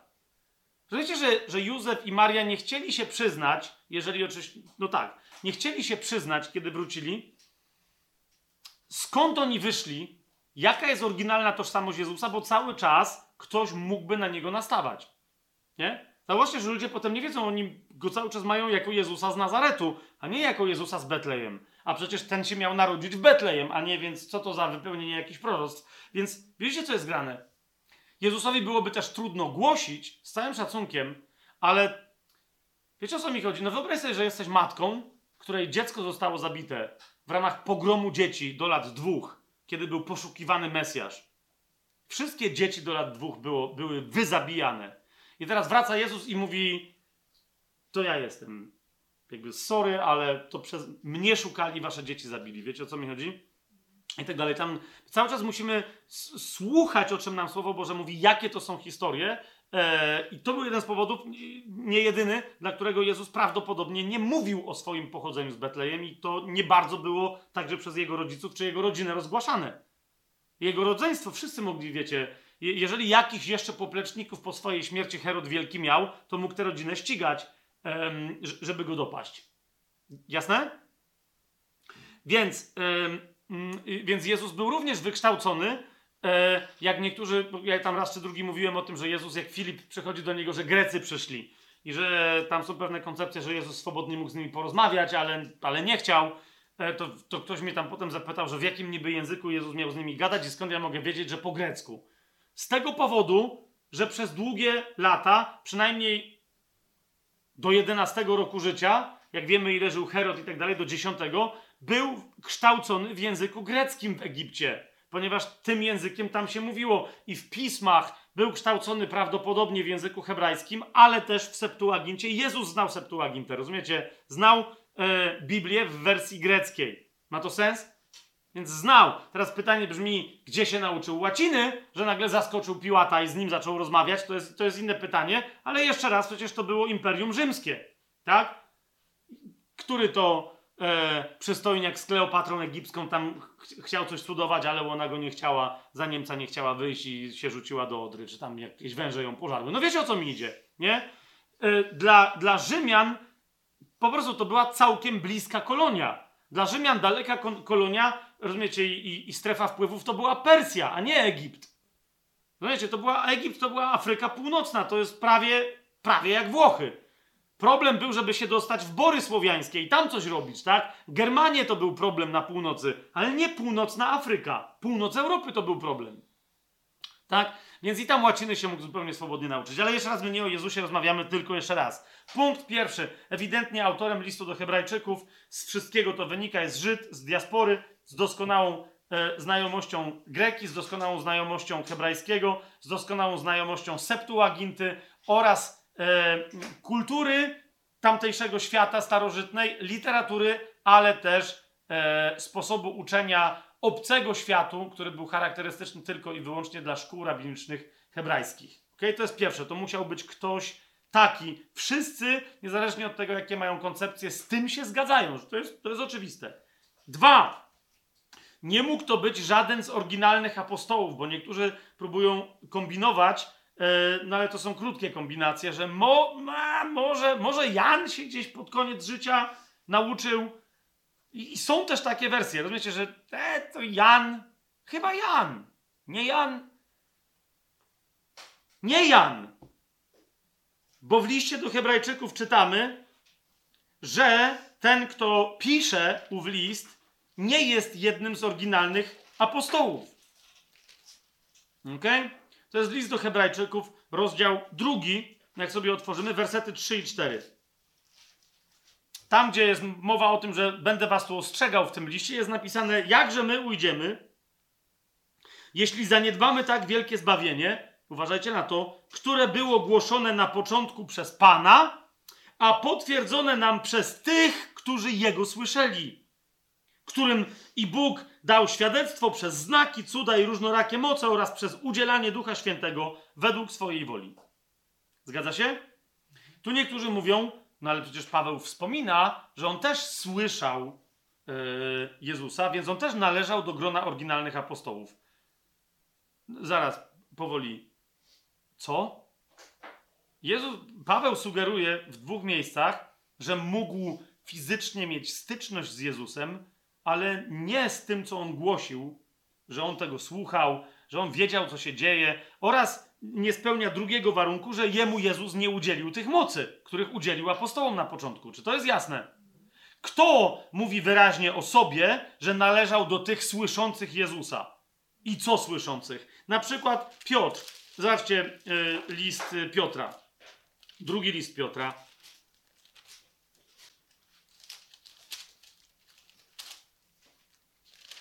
Drugi list Piotra, y, pierwszy rozdział, 17 i 18 werset, jak mówi o e, tej historii zwaną przemienieniem na górze Tabor. Taka nazwa artystyczna tego wydarzenia, bo ani to było przemienienie, ani na górze Tabor, no ale niech będzie. To, e, no ale on mówi, że na tej górze, tak, otrzymał on bowiem, czyli Jezus, od Boga Ojca cześć i chwałę, gdy doszedł go taki głos od wspaniałej chwały, to jest mój umiłowany syn, w którym mam upodobanie. I teraz Piotr mówi, i słyszeliśmy ten głos dochodzący z nieba, gdy byliśmy z nim na świętej górze. Jasne? Piotr mówi wyraźnie o nadprzyrodzonym jakimś tam wydarzeniu, które fizycznie, którego fizycznie był świadkiem. Potem Jezus coś tam tłumaczył i tak dalej. E, inny, który jeszcze wyraźniej według mnie o tym mówi, to jest Jan apostoł, który w pierwszym swoim liście, w pierwszym rozdziale, w pierwszym wersecie i potem w trzecim wersecie mówi tak. To, co było od początku, co słyszeliśmy, co widzieliśmy na własne oczy, na co patrzyliśmy i czego dotykały nasze ręce, o słowie życia. Trzeci werset. To, co widzieliśmy i słyszeliśmy, to wam zwiastujemy, abyście i wy mieli z nami społeczność. Widzieliśmy, słyszeliśmy, doświadczaliśmy czego? Słowa życia. Paweł nawet jak go widział, to on jedyne co wiedział, że to jest jakiś chłop, co coś głosi, głosi z którym się Gamaliel nie zgadza. Tak? Bo on był uczniem Gamaliela, on nie był uczniem Jezusa, nigdy nie został tym uczniem. Kiedy Jezus umarł i zmartwychwstał, nadal Paweł, jako uczeń Gamaliela, z poważnym autorytetem staje po stronie tych, którzy kamienują Szczepana, który twierdzi, że Chrystus zmartwychwstał. Wiecie o co mi chodzi? Więc on nawet wtedy nie był żadny, on nic nie słyszał od Jezusa, co byłoby dla niego słowem życia. Tak? Więc kiedy on mówi, w, on mówi, ktoś mówi w, w liście do Hebrajczyków, jeszcze raz zobaczcie, drugi rozdział, jeśli jeśli zaniedbamy tak wielkie zbawienie, trzeci i czwarty werset, które było głoszone na początku przez Pana, a potwierdzone nam przez tym, którzy go słyszeli, to chodzi o tych, którzy go słyszeli jako Mesjasza, jako Słowo Boże, którym on się dawał słyszeć i którym Bóg następnie jako pierwszym dał świadectwo, czwarty werset, przez znaki, cuda i tak dalej, i tak. Jasność? To, że po, potem Paweł miał coś takiego jako apostoł, to to miał jako apostoł, ale nie jako apostoł Jezusa, tylko jako apostoł, myśmy sobie to nazwali apostoł Ducha Świętego. Tak? Więc yy, to nie może być żaden z oryginalnych apostołów. Ale czy w związku z tym Paweł był oryginalnym apostołem? No nie był. Jak ktoś go na siłę tam włącza, pamiętajcie, są też te koncepcje, ja o tym parokrotnie mówiłem, że Paweł Judasz musiał zginąć, żeby Paweł był dwunastym apostołem. Jeszcze raz, niezależnie od tego, że rzucali losy czy nie rzucali losy, kto jest dwunastym apostołem w miejsce Judasza? Maciej. I wyraźnie dzieje apostolskie o tym zaświadczają, że wyszedł Piotr z pozostałymi jedenastoma, a więc razem wyszło ich dwunastu. To jest pełna dwunastka razem z Maciejem. Paweł nie jest żadnym dwunastym apostołem. Paweł jest jednym z wielu apostołów kolejnego pokolenia, których wzywał Duch Święty i których cały czas wzywa i podnosi do dzisiaj. Amen? Więc to, to jest drugie. To nie może być żaden z oryginalnych apostołów, bo to jest wyraźnie powiedziane. Trzy, punkt trzeci. Człowiek, który pisze list do Hebrajczyków, musi go pisać za czasów świątyni, ok? Czyli świątynia musi jeszcze istnieć. Dlaczego to jest istotne? Bo pamiętacie, 70 rok, e, mm, rewolta e, w Izraelu, przychodzą Rzymianie i niszczą wszystko i jest tak, jak Pan Jezus powiedział, nie zostawiają kamień na kamieniu. Tak? Nie zostawiają kamienia na kamieniu. To jest 70 rok. To musi być przed 70 rokiem. Ale z drugiej strony, kochani, to już musi być podczas prześladowań, które w dodatku nieco trwają. Ostrych, długotrwających prześladowań. W różnych miejscach prześladowań Żydów. Nie będę teraz tego punktu rozwijał, ale jak sobie poczytacie list do Hebrajczyków, to zobaczycie w przynajmniej dwóch miejscach, że jest mowa o tym, że ten, do kogo pisze Paweł, a my już wiemy, że to są Żydzi z diaspory, że oni już są prześladowani. Nie? Że oni są prześladowani jako chrześcijanie, a nie jako Żydzi, to jest bardzo istotne. Tak? Bo Żydzi też byli prześladowani na przykład w mieście Rzym i byli wywaleni stamtąd. Pamiętacie, to nawet y, Nowy Testament o tym, o tym mówi. Tu chodzi o to, że ten autor jest częścią ruchu chrześcijańskiego, który już jest prześladowany. Okay? A to jest zasadniczo kochani, historia 63-64 roku, kiedy to wszystko się zaczęło, de facto przez to, że Neron zaczął się orientować, co jest grane, ok? I przyzwolenie na atakowanie chrześcijan wtedy się zaczęło. Co prawda, Paweł się wtedy uratował. On, wiecie, pamiętacie, wszystko wskazuje na to, że po pierwszym aresztowaniu był przez parę lat wolny, ale my tu mówimy o tym krótkim wycinku czasu, między gdzieś 63, 64 a 70 rokiem. Słuchajcie, wtedy był napisany list do Hebrajczyków. ok? Bo ewidentnie ta dług, to, to długotrwałe atakowanie chrześcijan pochodzenia żydowskiego w diasporach jest już faktem, ale świątynia jeszcze istnieje. Gdyby jej nie było, to by autor listu do Hebrajczyków się do tego odniósł, a on cały czas o niej mówi, wielokrotnie o praktyce lewickiej w świątyni i tak dalej, pisze autor listu do Hebrajczyków w czasie teraźniejszym, że to się teraz dzieje, że oni teraz to robią, że oni teraz tego dokonują regularnie, rok w rok i tak dalej, i tak dalej. Nie? Swoją drogą zauważcie, jak to jest ciekawe, my o tym też będziemy mówić. Bardzo mało ludzi, ja nie wiem, jeżeli, przecież tutaj mamy absolutnie, nie żebym wam tu kadził niepotrzebnie, ale jednak umówmy się, e, dosyć poważnych znawców Słowa Bożego i, i, i, studiujecie rozmaite tam historie. Ile razy słyszeliście przedstawienie listu do Hebrajczyków jako listu proroczego, ostrzegającego przed upadkiem świątyni i przed tym, że wypełnią się słowa Jezusa, że nie zostanie kamień na kamieniu? No właśnie. Teraz rozumiecie, e, jak to powinno nas przebudzić. Zaraz, to są ostatnie słowa istnienia świąty o, e, o świątyni, kiedy ona jeszcze istnieje. Zobaczcie, co tu się dzieje, co tu jest napisane nie? jak traktować to, to, się, to, co się tam dzieje i jaką to będzie miało wartość za chwilę, na przyszłość i tak dalej, i tak. To był ostatni dzwonek, mimo że adresatami listu są chrześcijanie z diaspory, chrześcijanie pochodzenia żydowskiego, ale którzy nie są judaizujący, albo mogą mieć pokusę, żeby judaizować, to nadal nie mogło się obyć E, bez przecieku tego listu do Żydów po prostu judaizują, judaizujących, do wyznawców judaizmu. Rozumiecie? Ostrzeżenia zawarte w tym liście dla wyznawców judaizmu pośrednio, bo one są skierowane głównie do chrześcijan. Po co jest wam coś, co i tak zaraz padnie? To jest dokładnie to, co autor tego listu pisze. Rozumiecie? Po, po co jest wam coś takiego? To, to musiało dotknąć do żywego wyznawców judaizmu, dla których stanie świąty, świąty... Pamiętacie, o co oni oskarżyli Jezusa? Że on powiedział, że zburzy tę świątynię i w trzy dni ją odbuduje. A oni mówią, 46 lat była budowana, ty w trzy dni ją zburzysz. Jasne, yy, zburzysz, czy w trzy dni ją odbudujesz.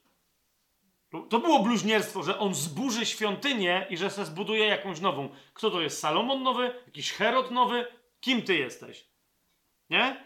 Zburzenie świątyni, a tu jest mowa o tym, że ona w ogóle nie ma żadnego znaczenia. Czy stoi, czy leży, czy kamień na kamieniu, czy nie ma kamienia na kamieniu, co to ma do rzeczy? Niemniej e, o tym teraz nie będziemy mówić, bo nie zajmujemy się treściami, tylko, tylko tym, że to musiał napisać ktoś dokładnie wtedy. Ok? Dalej. Czwarty mm, e, punkt. Ten człowiek, który pisze jeszcze pod koniec istnienia świątyni, a więc w 60 latach I wieku, prawdopodobnie w drugiej połowie 60 lat e, I wieku, między 64 a 70 rokiem, e, gdyby, zwróćcie uwagę, gdyby to były, gdyby to były, mm, gdyby to był Paweł, jeżeli to jest Paweł, to być może ostatni z listów, który napisał, to jednak nie jest list do Tymoteusza. Ale jak nam sugeruje chronologia biblijna, to jest jego ostatni list. Eee, wiecie, co by to oznaczało? Znaczy, to, jak nie wiecie, to pomyślcie, co by to, co by to oznaczało. Do kogo Paweł pisze ostatni list? W 68 roku, wtedy, nie? Jeżeli Paweł, jeżeli to nie, jeżeli on tu wspomina o swoim uwięzieniu wraz z Tymoteuszem, kiedy Tymoteusz był uwięziony i miałby być wypuszczony na wolność? To może to już jest drugie aresztowanie i rozumiecie, dlatego jest ostro i dlatego Paweł się w tym liście nie przedstawia to może być jego ostatni list. O tym jeszcze, jeszcze za chwileczkę coś więcej powiem, ale pomyślcie, jeżeli to jest ostatni list Pawła, wow, co nam to w ogóle o nim mówi jako przykładzie brata w Chrystusie. Teraz czwarty punkt. Człowiek, który pisze ten list, to jest bardzo istotne, to jest człowiek, który sam od lat cierpi prześladowanie i jego prześladowanie jest czymś bardziej, jest jakby prześladowaniem bardziej widocznym na świeczniku niż prześladowania innych inni w jego prześladowaniu uczestniczą, jest rzeczą groźną. Jego prześladowanie jest tak groźne, że pomaganie mu może spowodować, że ktoś kogoś dotknie cierpienie. I autor tego listu mówi, że on cierpi, ale że odbiorcy tego listu cierpieli albo cierpią dalej wraz z nim. Powiecie, serio?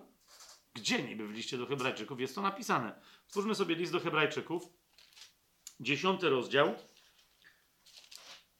Mamy to wprost napisane i jeszcze dlatego widzicie, my czasem musimy się oderwać, przeczytać sobie jakiś tekst z Biblii, na przykład nie jako zbiór doktrynalnych wypowiedzi, tylko na przykład y, szukając czyichś osobistych y, sformułowań. Jakie ktoś miał emocje, kiedy o czymś myślał, y, gdzie akurat był, czemu zmienia liczbę z pojedynczej na mnogą i tak dalej. Nie? Otóż w dziesiątym rozdziale spójrzcie, co, jaka genialna informacja tu jest podana. Nie? E, w 34 wersecie do adresatów tego listu, autor tego listu pisze: Cierpieliście bowiem ze mną w moich więzach i przyjęliście z radością grabież waszego mienia, wiedząc, że macie w sobie lepszą i trwałą majętność w niebie. Wow! To jest bardzo ciekawa informacja na temat autora tego listu. Zgodzicie się ze mną? Nie? On mówi, że ja, spadło na mnie prześladowanie, a wyście postanowili wziąć udział w tym prześladowaniu. Ok? Popatrzcie teraz, Dzieje Apostolskie, 28 y, rozdział.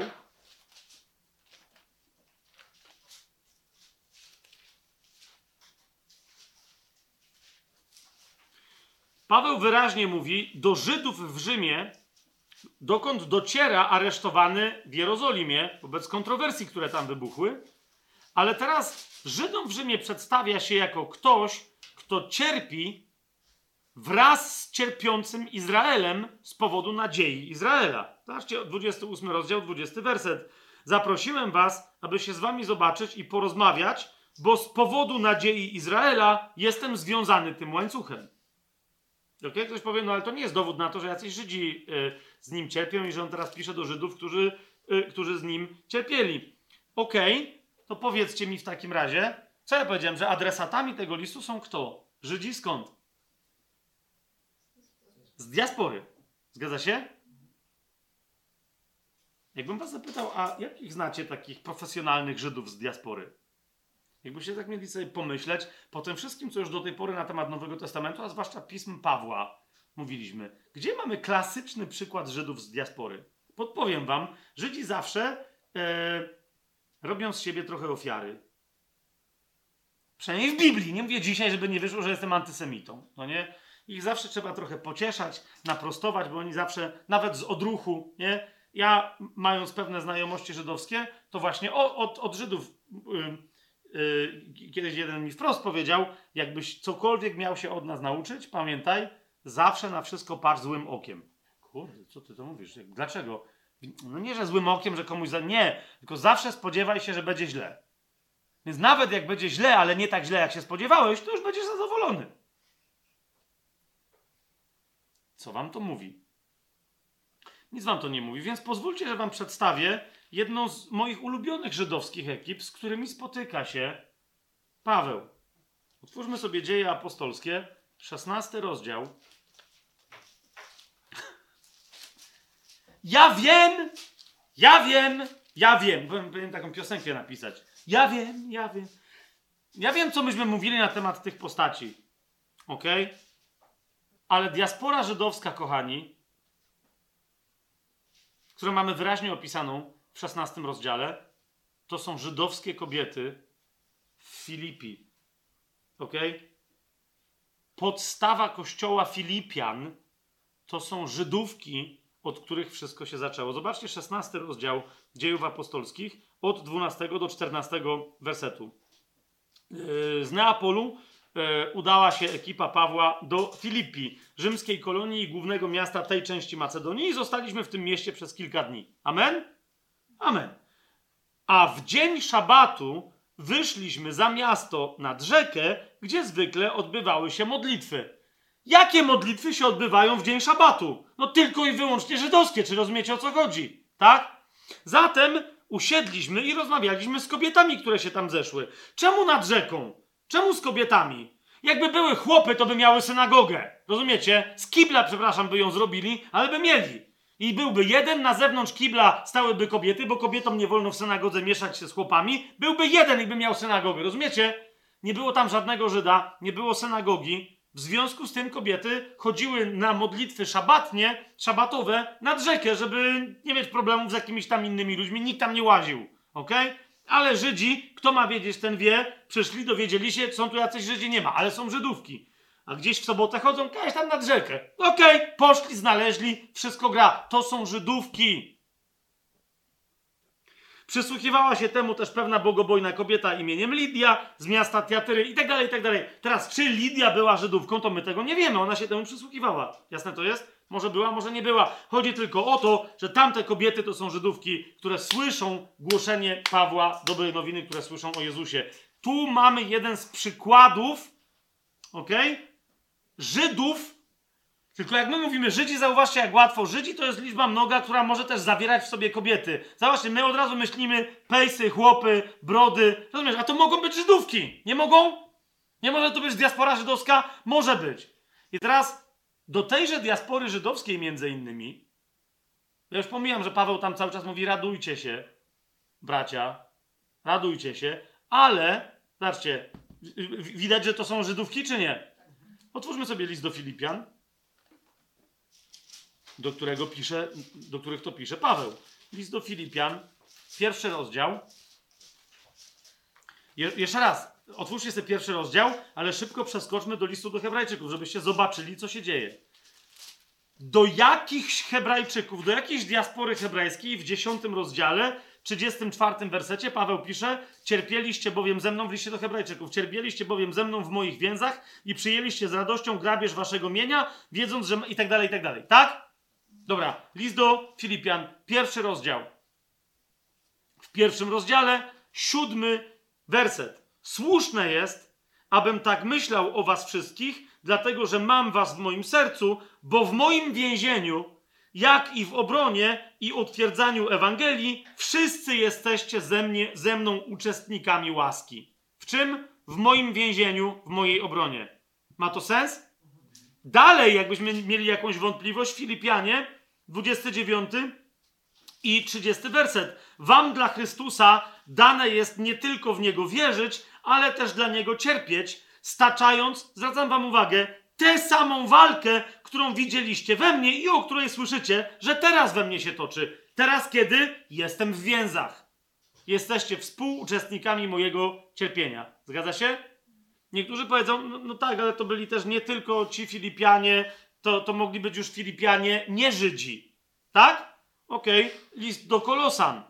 Przedstawcie, przedstawmy sobie, kochani, innych Żydów, ewidentnie Żydów, o których Paweł mówi, że są Żydami z diaspory, którzy razem z nim cierpią. Do takich Żydów pisze autor listu do Hebrajczyków. To jest list do Kolosan, czwarty rozdział, dziesiąty i jedenasty werset. Pozdrawia was Arystarch, mój współwięzień i Marek, siostrzeniec Barnaby, co do którego otrzymaliście polecenie, przyjmijcie go, jeśli do was przybędzie. I Jezus, zwany Justusem. Wszyscy ci są z obrzezania. Jest tak? Są, rozumiecie, to, to, to, to jest teraz być może, że kiedy pisze autor listu do Hebrajczyków ten swój list, być może nie ma już z nim, bo jeszcze nie wiemy, czy to jest Paweł, Arystarcha, Marka i Jezusa zwanego Justusem. Ale on, to jest ktoś, z kim Żydzi z diaspory musieli współcierpieć więzienie między innymi. Czy to jest jasne? Zgodzicie się? Czy Paweł jest kimś takim? I nagle wszyscy. No, no, chyba trochę wygląda, że jakby troszeczkę tak. To jeszcze wam jedną osobę przedstawię. Drugi list do Tymoteusza. Pierwszy rozdział. W drugim liście do Tymoteusza, w pierwszym rozdziale, w szesnastym wersecie, Paweł wspomina o niejakim Onezyforze. I dalej, wspominając o nim, mówi tak. Pierwszy rozdział, szesnasty werset i dalej. Niech Pan okaże swoje miłosierdzie domowi Onezyfora, bo mnie często pokrzepiał, uwaga, i mojego łańcucha się nie wstydził. Lecz gdy był w Rzymie, usilnie mnie szukał i odnalazł. Niech mu Pan da, aby w owym dniu znalazł miłosierdzie u Pana. A jak wiele usług oddał mi w Efezie, ty sam dobrze wiesz. No bo pisze to do, do Tymoteusza, który jest jego apostolskim wysłannikiem, że tak powiem, namiestnikiem apostolskim w Efezie. Amen? No ale ktoś powie, no ale co, Onezyfor był Żydem, czy co? Ja nie wiem. Ale w tym samym liście, w czwartym rozdziale, w dziewiętnastym wersecie, kogo jeżeli nie Żydów, bliskich swojemu sercu, pozdrawia Paweł, pisząc pozdrów Pryskę i Akwilę oraz dom Onezyfora.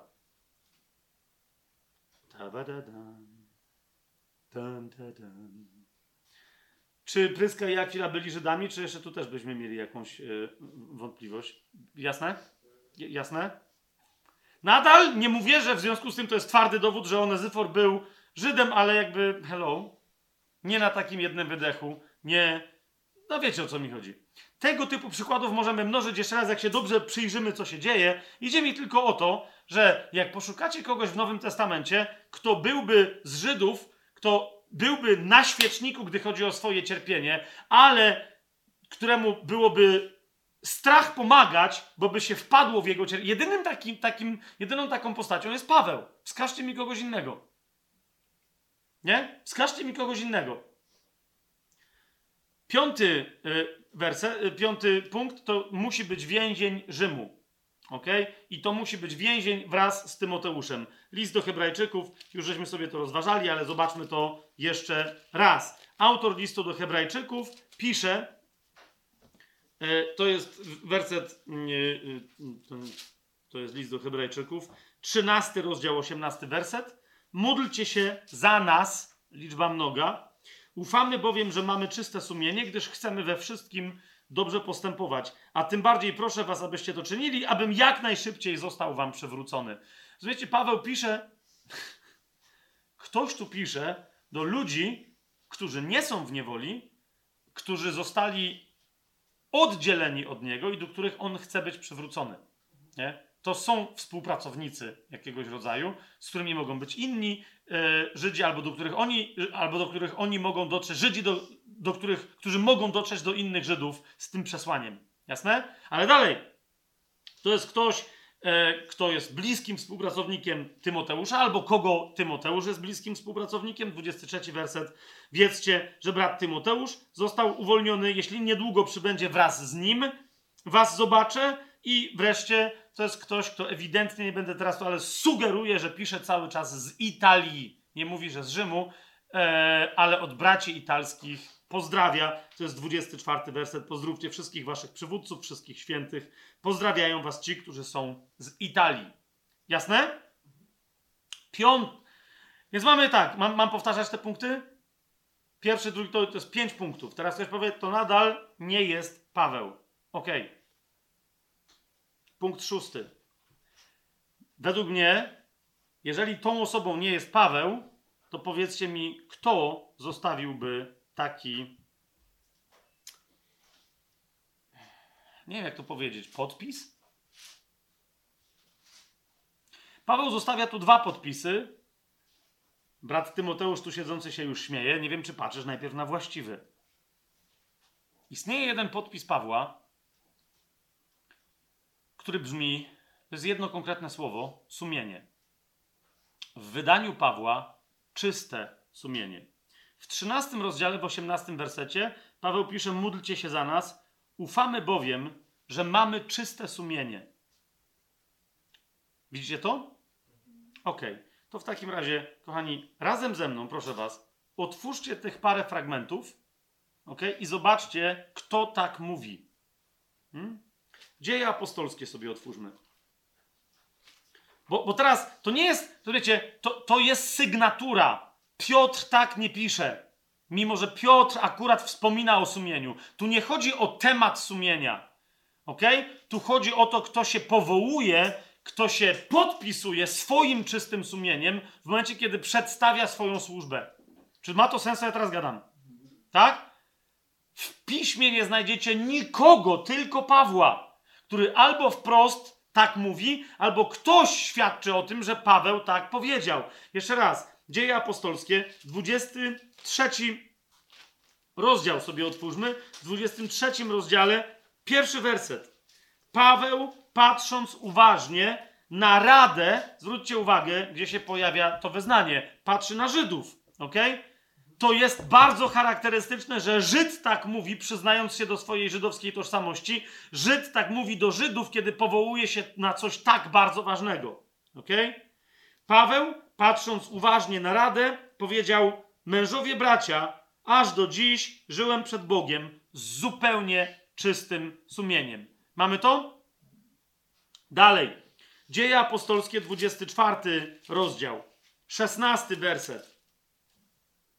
Sam się usilnie staram, aby zawsze mieć sumienie bez skazy wobec Boga i ludzi. Paweł. Rzymian, list do Rzymian, dziewiąty rozdział, pierwszy werset. Mówię prawdę w Chrystusie, nie kłamię, co mi poświadcza moje sumienie w Duchu Świętym. Ok? Typowe zaklinanie się, w cudzysłowie oczywiście, żydowskie. Jasne? Drugi list do Koryntian. No i wiadomo, że tam autorem tego zaklinania się jest Paweł. Drugi list do Koryntian. Pierwszy rozdział, dwunasty werset. To bowiem jest naszą chlubą, świadectwo naszego sumienia, że w prostocie i w szczerości Bożej, nie w cielesnej mądrości, ale w łasce Boga postępowaliśmy na świecie, a szczególnie względem Was. Co jest naszą chlubą? Świadectwo naszego sumienia. Drugi list do Tymoteusza. Drugi list do Tymoteusza, pierwszy rozdział, trzeci werset. Dziękuję Bogu, któremu jak moi przodkowie służę z czystym sumieniem. Mamy to? Drugi do Tymoteusza, pierwszy rozdział, trzeci werset. Służę z czystym sumieniem. I teraz, rozumiecie, to jest tylko Paweł. Sprawdźcie sobie, jak to, to wyrażenie funkcjonuje gdziekolwiek indziej. I teraz mamy, nie wiadomo kto napisał list do Hebrajczyków, 13 rozdział, 18 werset. Módlcie się za nas, ufamy bowiem, że mamy czyste sumienie, gdyż chcemy we wszystkim dobrze postępować. Ok?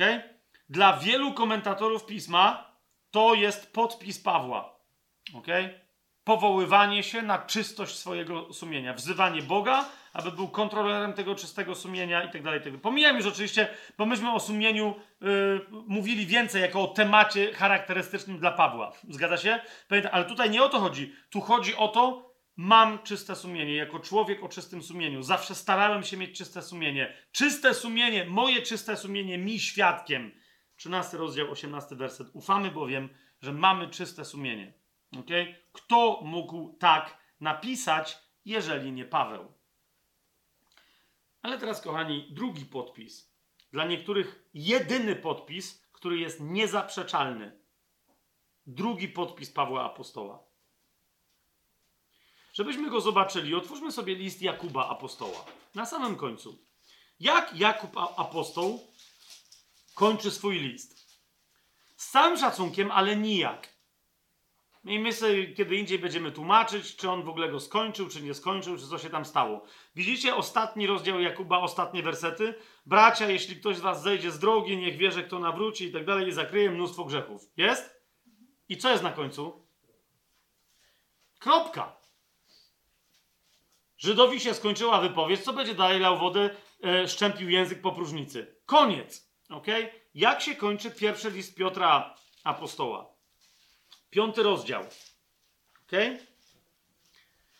O, otóż mamy tam pozdrowienia, wszystko gra.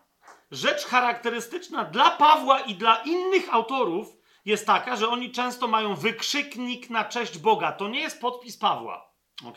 U Pawła też to znajdziemy. Zobaczcie jedenasty werset. Jemu chwała i moc na wieki wieków. Amen. Jest? To nie jest typowe dla Pawła. Tu widzicie, jest to też u Piotra. Nie? Na koniec Piotr pisze, pozdrówcie się nawzajem, dobra, i pisze im pokój wam wszystkim, którzy jesteście w Chrystusie Jezusie. Amen. Jest? Pokój wam wszystkim. Bardzo istotny temat dla Piotra. W drugim liście Piotra, ok, 18 werset, jak się kończy drugi list Piotra? Jemu chwała i teraz, i na wieczne czasy. Amen. Czyli jemu chwała teraz i na wieki. Amen? Amen. Jest wykrzyknik na cześć, on się zdarza też powtarza się u Pawła na koniec, niekoniecznie na samym końcu listu, ale się zdarza, tak? Pierwszy list Jana Apostoła, znowu możecie sobie sprawdzić, tak? Dzieci, wystrzegajcie się bożków, amen. Okej. Okay. Ten przynajmniej amen napisał. Jakub nawet amen nie napisał. No wiadomo, że amen. No amen, amen. Dobra, Jan napisał, napisał. Fajnie. Dalej już nie czytamy, bo to są prywatne listy. Juda, yy, dobra, bo mamy apostołami się zajmować, tak? Okej. Okay. Teraz, czy to jest ten Juda, czy tamten nie będziemy. Widzicie, jak kończą apostołowie? Teraz, kochani, chcę Wam, pozwólcie, e, przedstawić coś, to jest bardzo, absolutnie bardzo wzruszające. Wiecie? Bo Paweł w niektórych miejscach pisze, to jest moją ręką napisane, wiecie o co chodzi, nie? Ale w momencie, kiedy on nawet, to jest moją ręką napisane, jest jedna rzecz, która jest jego ręką napisana, i wielu komentatorów o tym mówi, że tam jest jedna konkretna rzecz, która się powtarza w każdym jego liście, i to jest jego podpis. Ok? List do Rzymian. No bo to jest pierwszy z listów Pawła. Zgadza się? Nikt inny tak nie pisze, nikt inny w ten sposób nie formułuje pozdrowienia na samym końcu. List do Rzymian. 16 rozdział no i teraz mam, ktoś powie, no i co, 27 werset, jemu chwała przez Jezusa Chrystusa na wieki. Zgadza się? No okej. Okay. Tylko, że właściwy podpis Pawła znajduje się wcześniej. 24 werset. To jest on. To jest Paweł. To jest zdanie, które sobie zapamiętajmy i to jest temat, którym on żyje, któremu poświęcił całe swoje życie. Łaska naszego Pana Jezusa Chrystusa z wami wszystkimi Amen. To jest, rozumiecie, łaska z wami, amen. Albo łaska z tobą, amen. Czy ona będzie w imię Jezusa, czy coś, to jakby, to nie ma znaczenia. To jest, to jest jego zdanie. Łaska z wami, które zawsze znajduje się na końcu każdego listu Pawłowego. Mamy to? Kochani, musimy to zobaczyć. 16 rozdział, 24 werset listu do Rzymian. Łaska naszego Pana Jezusa Chrystusa niech będzie z wami wszystkimi. Amen. Pierwszy list do Koryntian, w takim razie otwórzmy, otwórzmy ostatni rozdział, czyli 16. W 16 rozdziale, w 23 wersecie, łaska Pana Jezusa Chrystusa z wami. Moja miłość z wami wszystkimi w Chrystusie Jezusie. Amen. Zauważcie, e, jak, kim, kto to dla niego byli chrześcijanie korynccy. Nie? Że on dokłada do swojego podpisu łaska Jezusa, a moja miłość z wami. Nie? Ale tak czy siak mamy łaska Pana Jezusa Chrystusa z wami i dopiero później amen. Ale jest? Dalej, drugi list do, yy, do Koryntian, 13 rozdział, 14 14 werset. Łaska Pana Jezusa Chrystusa, miłość Boga i wspólnota Ducha Świętego z wami wszystkimi. Amen. Jest łaska Jezusa z wami wszystkimi? Amen. Co mamy dalej? List do Galacjan, szósty rozdział. W szóstym rozdziale, osiemnasty werset. Łaska naszego Pana Jezusa Chrystusa z waszym duchem, bracia. Amen. Dlaczego? Dlaczego? Bo Galacjanie postępowali cieleśnie, więc on mówi: Świętość pozostaje w waszym duchu, cieleśnie jesteście pod prawem, od, cieleśnie odpadacie z łaski. Dlatego łaska naszego Pana Jezusa Chrystusa z waszym duchem, bracia. Amen, ale nadal rozpoznaje w nich braci. List do Efezjan, szósty rozdział, 24 werset. Łaska ze wszystkimi, którzy miłują naszego Pana Jezusa Chrystusa w szczerości. Amen. Gdyż są to Efezjanie. List do Filipian, czwarty rozdział, 23 werset. Łaska naszego Pana Jezusa Chrystusa z wami wszystkimi. Amen. List do Kolosan, czwarty rozdział, osiemnasty werset. Zobaczcie o co chodzi. Pozdrowienie moją Pawła ręką. Pamiętajcie o moich więzach. I ostatnie zdanie, jego ręką. Łaska z wami. Amen. Widzicie to? Jeszcze, jeszcze raz. Wiele, wiele osób powtarza, że wszędzie, gdzie jest napisane łaska z wami, Paweł pisał to własnoręcznie. Takie jest przekonanie. Nie? Co w liście do Kolosan jest jakby w sposób szczególny widoczne, że on to pisał własnoręcznie. Dalej, e, list, pierwszy list do Tesaloniczan, piąty rozdział, 28 werset. Łaska naszego Pana Jezusa Chrystusa z wami. Amen. Drugi list do Tesaloniczan, trzeci rozdział, 18 werset. Łaska naszego Pana Jezusa Chrystusa z wami wszystkimi. Amen. Pierwszy list do Tymoteusza, szósty rozdział, 21 werset. Łaska z tobą. Amen. No bo do Tymoteusza pisze. Tak? Drugi list do Tymoteusza, czwarty rozdział, 22 werset. Pan Jezus Chrystus z Twoim duchem. Zwróćcie uwagę, co tu się dzieje. W pierwszym liście Paweł pisze łaska z Tobą. Tu co pisze? Pan Jezus Chrystus z Twoim duchem. Ale on nie wie, czy się zobaczy z Tymoteuszem. Łaska z Wami. Amen. To jest list, w którym Paweł chciał, żeby był przeczytany przez, większo- przez wielu innych, nie tylko przez Tymoteusza. Dla Tymoteusza to jest jasny przekaz. Wiem, co mam robić, tato. Jasne? Coś absolutnie genialnego. List do Tytusa, trzeci rozdział, 15 werset. Łaska z wami wszystkimi. Amen. List do Filemona.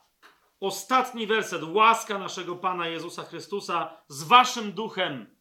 Amen. I wreszcie list do Hebrajczyków. Widzicie ten wzorzec? I teraz powiedzcie mi, kto napisał list do Hebrajczyków? 13 rozdział, 25 werset.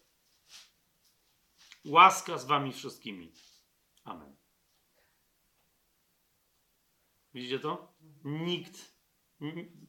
My, my tak czytamy pismo, że czasem tego typu sformułowania, wiecie, przez kościelne życie, przez, przez coś, coś tam nam umykają. To jest absolutnie wyjątkowy tekst, którym się Paweł podpisuje. To jest jego podpis. Nawet jeżeli ktoś nie widzi jego podpisów w sformułowaniu mamy czyste sumienie, to musi go zobaczyć tutaj. Nikt by nie śmiał w tamtym kościele przed 70 rokiem podszywać się pod Pawła, pisząc łaska z wami wszystkimi. Amen. Czy rozumiecie, co ja gadam? To jest siódmy, to jest siódmy, siódmy dowód według mnie. Po tych, nawet jeżeli do tych sześć pierwszych do ciebie nie przemawia, zobacz na ten. Ale powiedziałem, że jest osiem. To będzie dopiero, to może być dla niektórych najbardziej zaskakujące. Ale kochani, świadkiem tego, że list do Hebrajczyków jest napisany przez Pawła do Hebrajczyków, jest nie kto inny, jak sam we własnej osobie Piotr Apostoł, który wyraźnie o tym pisze. W drugim liście, jeszcze raz, my to będziemy musieli udowodnić, ale pamiętajcie, co, co powiedzieliśmy, tak? Że są poza listem do Hebrajczyków jeszcze trzy inne listy wprost adresowane do Hebrajczyków. List Jakuba oraz pierwszy i drugi list Piotra. Mamy to? Tak? To teraz uważajcie. W drugim liście Piotra. Co pisze Piotr w trzecim rozdziale o Pawle? 15 i 16 werset. A cierpliwość naszego Pana uważajcie za zbawienie. Uważajcie, uważajcie, uważajcie. My, my tu uważajmy, co się dzieje, nie? Cierpliwość uważajcie za zbawienie, jak i nasz umiłowany brat Paweł, według danej mu mądrości, pisał do was. Jak też mówi o tym we wszystkich innych listach. Widzicie to? Trzeba czytać uważnie. Jeszcze raz po, greku, po, po, grecku nie będzie we wszystkich listach, we wszystkich innych listach. Wszystkich oprócz tego jednego, który jest do kogo. I niektórzy mówią. Eee, eee, tu akurat ci Hebrajczycy najmniej, no konsekwentnie i tak dalej. I rozumiecie, walka o to, czy list Piotra, drugi list Piotra, czy jest do Żydów, czy nie jest, u niektórych komentatorów tylko dlatego się, rozumiecie, rozbija, że nie jest, żeby nie było, że ci ludzie są tymi samymi adresatami, do których pisał list do Hebrajczyków Paweł. I mówią, to mogą być Filipianie. Może do Efezjan pisał, którzy się rozpierzchli gdzieś tam, Piotr albo coś, bo nie ma, zobaczcie, co, co pisze w drugim liście Piotr w pierwszym rozdziale na początku. Szymon Piotr, sługa i apostoł, pierwszy rozdział, pierwszy werset. Sługa i apostoł Jezusa Chrystusa do tych, którzy otrzymali wiarę równie cenną jak nasza, dzięki sprawiedliwości naszego Boga i Zbawiciela Jezusa Chrystusa. Ym, serio musiałby wyjaśniać te rzeczy nie Żydom, po tych wszystkich, że, rozumiecie, od listu do Rzymian aż do teraz, musiałby ktoś naprawdę ciężko czegoś nie zrozumieć, żeby zauważyć, co Piotr tutaj tłumaczy, do kogo pisze i o kogo mu chodzi. Okej? Okay? O sprawiedliwości, o wierze, o usprawiedliwieniu, która jest tylko i wyłącznie przez Jezusa Chrystusa, nie przez własne zasługi itd., tak itd. Tak ale nawet gdyby ktoś powiedział, no ale to nie jest oczywiste, proszę, niech to nie będą Hebrajczycy, to w trzecim rozdziale, w piętnastym wersecie Piotr mówi, a cierpliwość naszego Pana uważajcie za zbawienie. Jak i nasz umiłowany brat Paweł, według danej mu mądrości, pisał do was.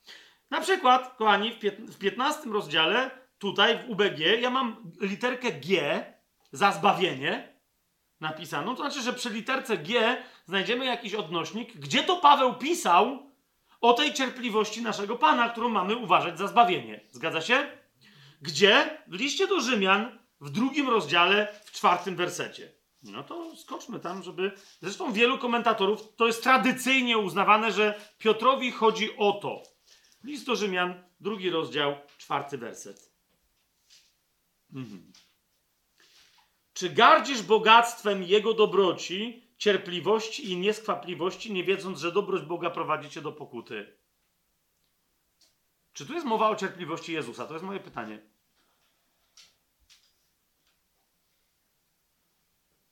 Czy tu jest mowa o cierpliwości Jezusa? Nie. Tu jest mowa o Bogu, który sądzi. Zobaczcie drugi werset. Wiemy, że sąd Boga jest według prawdy przeciwko tym, którzy robią takie rzeczy. Czy myślisz, człowieku, który osądzasz tych, którzy robią takie rzeczy, a sami robisz, że ty unikniesz sądu Boga? To jest sąd Boga, a nie Jezusa. Ok? A więc tu jest mowa o cierpliwości Boga, a nie Jezusa. Dodatkowo, e, ktoś z Was może mi sprawdzić tutaj ten wyraz, cierpliwość. Pewnie jest taki sam ale po, po, grecku, bo akurat przyznam, że nie pamiętam, dlatego że nie, nie do końca miało to dla mnie jakieś znaczenie, ale pewnie jest taki sam jak w liście do, do y, w, w, tym drugim Piotra i dlatego ktoś stwierdził, no Paweł tu się posługuje takim słowem, to pewnie o to Piotrowi chodziło. No nie o to Piotrowi chodziło, że Paweł się posłużył słowem cierpliwość. Makrotymia? Okej, okay, to, to jest, no właśnie, to jest dokładnie ta logika. Czyli tam się Paweł posłużył słowem, którym się posłużył Piotr, więc pewnie o tamten fragment chodziło, bo o jaki? Otóż, kochani, wyraz makrotymia, jakby są dwa wyrazy na cierpliwość. Jak to... Pierwszy, otwórzmy sobie tak, otwórzmy sobie pierwszy do Tymoteusza, coś wam pokażę. Obok siebie się pojawiają dwa wyrazy oznaczające cierpliwość. To jest pierwszy list do Tymoteusza, trzeci rozdział.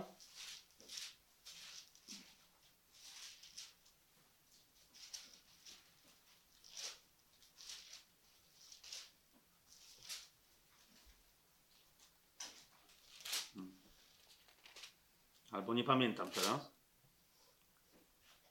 Hmm, przepraszam, drugi list do Tymoteusza. Dobrze pamiętałem, tylko czasem mi się literki mylą. No nie? To mnie musicie zawsze na tym pilnować. Ale graficznie nie pamiętam, gdzie to jest. To jest drugi do Tymoteusza. Trzeci rozdział, dziesiąty werset. Pisze Paweł do Tymoteusza następującą rzecz. Ale ty pojąłeś moją naukę, sposób życia, dążenia, wiarę, wytrwałość, miłość i cierpliwość. Zgadza się? Yy, yy, otóż wyraz makrotymia tu jest przetłumaczony nie jako cierpliwość, ale jako wytrwałość. Bo jest inny wyraz hypomone, chyba dobrze akcentuję teraz, hypomone, e, który oznacza również cierpliwość. Czym one się różnią od siebie? Otóż e, ta pierwsza makrotymia oznacza znoszenie przeciwności, doświadczanie cierpienia cierpliwie, bez sprzeciwu. Czy to jest jasne? Wytrzymywy, wytrzymywanie czegoś bez sprzeciwu. To jest, dlatego to jest przetłumaczone jako wytrwałość. Cierpliwość natomiast ta druga, ok, hypomone, jest związana z czekaniem cierpliwym na coś. Tak? Czyli y, zauważcie, w tym dziesiątym wersecie mamy y, makrotymię jako wytrwałość, potem jest miłość, a potem mamy hypomonę, czyli cierpliwość. Wytrwałość to jest, to, jest, to jest wytrzymywanie cierpienia, a to drugie to jest cierpliwe czekanie na coś. Czy y, y, ma, ma to sens? Teraz, kochani, więc, ok, przejdźmy do drugiego listu Piotra. Piotr mówi, że w jakimś swoim liście do kogoś pan, y, pan, Paweł opisuje Pana Jezusa, który wykazuje się czym? Zobaczcie, trzeci rozdział, 15 werset. Nie cierpliwością, ale wytrwałym znoszeniem cierpienia i prześladowania. Ok? A więc cierpliwość w tym sensie, wytrwałe znoszenie cierpienia naszego Pana, uważajcie za zbawienie, jak i nasz umiłowany yy, brat Paweł według danej mu mądrości pisał do was. Ok? Więc nawet jeżeli ktoś mówi, o to nie jest do Hebrajczyków, gdzie indziej Paweł pisze o dokładnie takim rozumie, że, że musiał Jezus znosić cierpienie wytrwale i je, gdzie, jeżeli nie w liście do Hebrajczyków? Otwórzcie razem ze mną, proszę, list do Hebrajczyków, drugi rozdział. To, to będzie jeden z fragmentów, bo, bo Paweł później będzie więcej e, w innych jeszcze pisał o tym, tak? Ale zobaczcie drugi rozdział, 14 werset do 18. Ponieważ dzieci są uczestnikami ciała i krwi, on także stał się ich uczestnikiem, aby przez śmierć zniszczyć tego, który miał władzę nad śmiercią, to jest diabła, i aby wyzwolić tych, którzy z powodu lęku przed śmiercią przez całe życie podlegali niewoli. Bo zaprawdę nie przyjął natury aniołów, ale potomstwo Abrahama Dlatego musiał we wszystkim upodobnić się do braci, aby stał się miłosiernym i wiernym najwyższym kapłanem wobec Boga dla przebłagania za grzechy ludu. A że sam cierpiał, będąc kuszonym, może dopomóc tym, którzy są w pokusach. Widzicie to? Tu jest mowa o Jezusie, który cierpiał, i potem cały czas będziemy mieli yy, yy, mowę o Chrystusie cierpiącym, który się upodobnił do nas we wszystkim z wyjątkiem grzechu, a więc nie ma w nas takiego cierpienia, którego on by nie zniósł, w nim jest tylko cierpliwość. Słowem, on jeden przeszedł przez cierpienie tak, że mógł nas zbawić. Nie ma żadnego takiego cierpienia, którym my się możemy zbawić. Czy to jest jasne? I to, to jest nauczanie listu do Hebrajczyków, i o tym nauczaniu pisze Piotr w drugim liście, kiedy mówi w trzecim rozdziale, w 15 wersecie, cierpliwość naszego Pana uważajcie za zbawienie. Ktoś mówi, nie, nie, bo tutaj jest odnośnik, że Pan Jezus nie zwleka ze spełnieniem obietnicy, tylko czeka w niebie. Dobra, okej, okay, to, to jest inny rodzaj cierpliwości, okej, okay, inny aspekt jego cierpliwości. Jasne? A o tym drugim najwięcej pisze także o tej jego cierpliwości, która jest w niebie, bo koniec końców Paweł bardzo to ciekawe w liście do Hebrajczyków, ale o tym dzisiaj nie będziemy mówić, ale sugeruje między innymi, że w pewnym sensie, dopóki krew Jezusa w niebie musi mówić rzeczy mocniejsze niż krew Abla, dopóty dzieło jest dokończone, ale sprawiedliwość nie jest wykonana w pełni na ziemi, nie jest wyegzekwowana prawo i sprawiedliwość. Czy to jest, ma sens? Więc w tym sensie to jest związane z tym, że Jezus jeszcze nie wraca, ale że cierpliwie oczekuje, ale też, że znosi cierpliwie dalej prześladowanie, o czym pisze Paweł, e, Łukasz w dziejach apostolskich, Pawle, Szawle, Szawle, czemu mnie prześladujesz? Jezus cały czas jakby jest nadal prześladowany w kościele, ale to opis tego jego bycia nie niecierpiętliwym, ale cierpiętliwym jest dokładnie opisem listu do Hebrajczyków. Jasne? Zatem Piotr w trzecim rozdziale drugiego swojego listu w 15 wersecie pisze: Cierpliwość naszego Pana uważajcie za zbawienie, jak i nasz umiłowany brat Paweł według danej mu mądrości pisał do was. Widzicie, ten fakt jest dowodem na to, że drugi list Piotra jest pisany do Hebrajczyków. Jasne? A nie odwrotnie. Fakt, że, że Paweł nigdzie indziej, jak tylko do Hebrajczyków, yy, yy, o tym nie, nie pisze, tylko tam. Ale jednocześnie to jest też ostateczny dowód, że list do Hebrajczyków jest Pawła. I, I, mamy dowód biblijny na to kolejny. Nie tylko podobieństwo stylu, sposób podpisywania się łaska z wami, ale to jest to.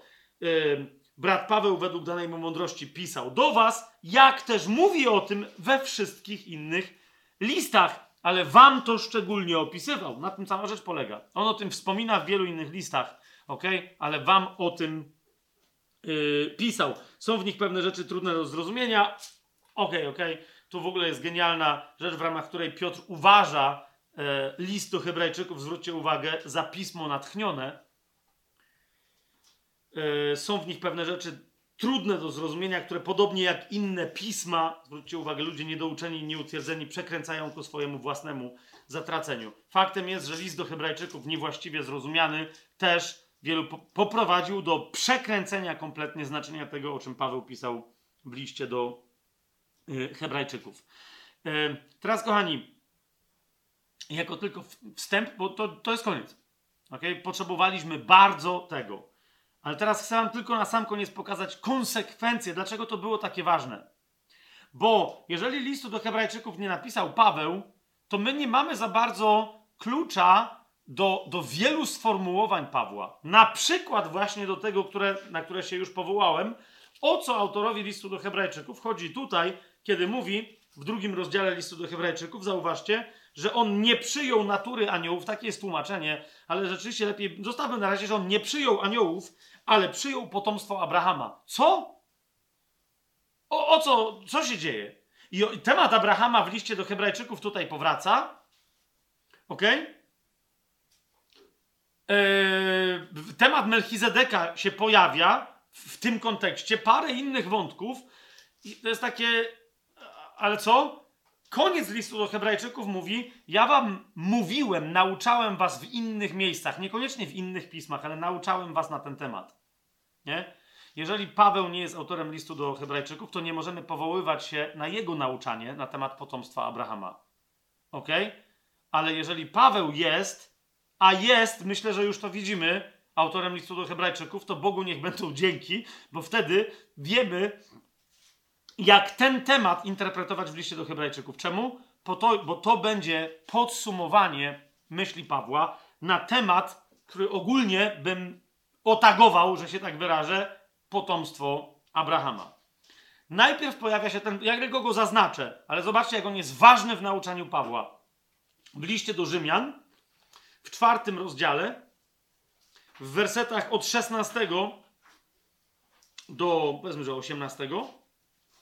Tak więc dziedzictwo jest z wiary, aby było z łaski i żeby obietnica była niewzruszona dla całego potomstwa nie tylko dlatego, które opiera się na prawie, ale i dlatego, które jest, uwaga, z wiary Abrahama, który jest ojcem nas wszystkich. A więc i Żydów opierających się na prawie, i nie Żydów. To jest tak, dokładnie taka myśl Pawła. Jak? Nie będziemy teraz tego, bo do 18 wersetu to się rozwija, ale chodzi o to, że to jest potomstwo Abrahama. tak? W liście do Galacjan, przeskoczmy sobie do listu do Galacjan, Paweł wraca do wątku, e, albo w liście do Rzymian wraca do wątku z listu do Galacjan, tak? W liście do Galacjan w trzecim rozdziale, w szesnastym wersecie, najpierw pisze, bo tam mówi między innymi o Abrahamie i o znaczeniu jego wiary. Otóż Abrahamowi i jego potomkowi zostały dane obietnice. Nie mówi i jego potomkom, jak o wielu, ale jako o jednym Twojemu potomkowi, którym jest Chrystus. No a w liście do Rzymian mówi o potomstwu, no to co jest w ogóle grane? Ale ten rozdział się tu nie kończy. Bo Paweł tłumaczy Galacjanom, bo to jest temat prawa. O co chodzi? Tak? Chrystus znosi prawo, to jest koniec. On jest potomstwem Abrahama. Tak? Kto na... I teraz tylko ten, kto wejdzie w Chrystusa, a Chrystus w niego ma obietnicę Abrahama, a nie ci, którzy przestrzegają prawa, ponieważ prawo pochodzi od Mojżesza, który jest później niż Abraham. On nic nie wiedział o żadnym prawie. Tak? Otóż w 29 wersecie tego rozdziału Paweł konkluduje: Jeżeli należycie do Chrystusa, to jesteście potomstwem Abrahama, a zgodnie z obietnicą dziedzicami. Widzicie to? Teraz głębie tego znaczenia znajdziemy do tego e, sformułowania, głębokie znaczenie oraz to, jak przenieść to znaczenie na nasze codzienne, praktyczne życie, znajdziemy dopiero w liście do Hebrajczyków. Ok? Jeżeli Paweł nie jest jego, jego autorem, to nie wiemy o co tam chodzi, naprawdę. Ale ponieważ wiemy, że jest, to wtedy rozumiemy o co idzie. Ok? To, co przy pomocy potomstwa Abrahama Rzymianom Paweł tłumaczył i Żydom, i nieżydom na temat łaski, to, co tłumaczy na temat dziedziczenia obietnic Galacjanom, to w pełnej krasie, w pełnej mocy tłumaczy Hebrajczykom, jednocześnie pokazując, że nie można, aby być potomstwem Abrahama, zostać pod prawem i nie można tego mieszać, nawet kiedy się jest Żydem, a zwłaszcza kiedy się jest Żydem. Ok? Kim był Abraham? Kim był Mojżesz? Czym było prawo mojżeszowe? A co nie prawo, a co przyjął Abraham i na czym my w swojej wierze, 11 rozdział listu do Hebrajczyków i tak dalej, możemy się opierać. Kochani, na przykład taka praktyczna rzecz jak tak zwana wiara biorąca w posiadanie, która de facto jest opisana w 11 rozdziale listu do Hebrajczyków. Nie? Ludzie robią z tego jakieś dziwaczne koncepcje, że ty sobie musisz wmawiać. De facto, wiecie, prawo przyciągania, New Age. Musisz sobie coś wyobrażać, przekonać siebie, uwierzyć, że coś jest, a coś tam i tak. Nie. Ty musisz wiedzieć, co masz, ponieważ Biblia to opisuje. Musisz wiedzieć, co masz. Rozumiecie, cała dyskusja na przykład, ale czy ja na pewno mam uzdrowienie fizyczne w dokończonym dziele krzyża?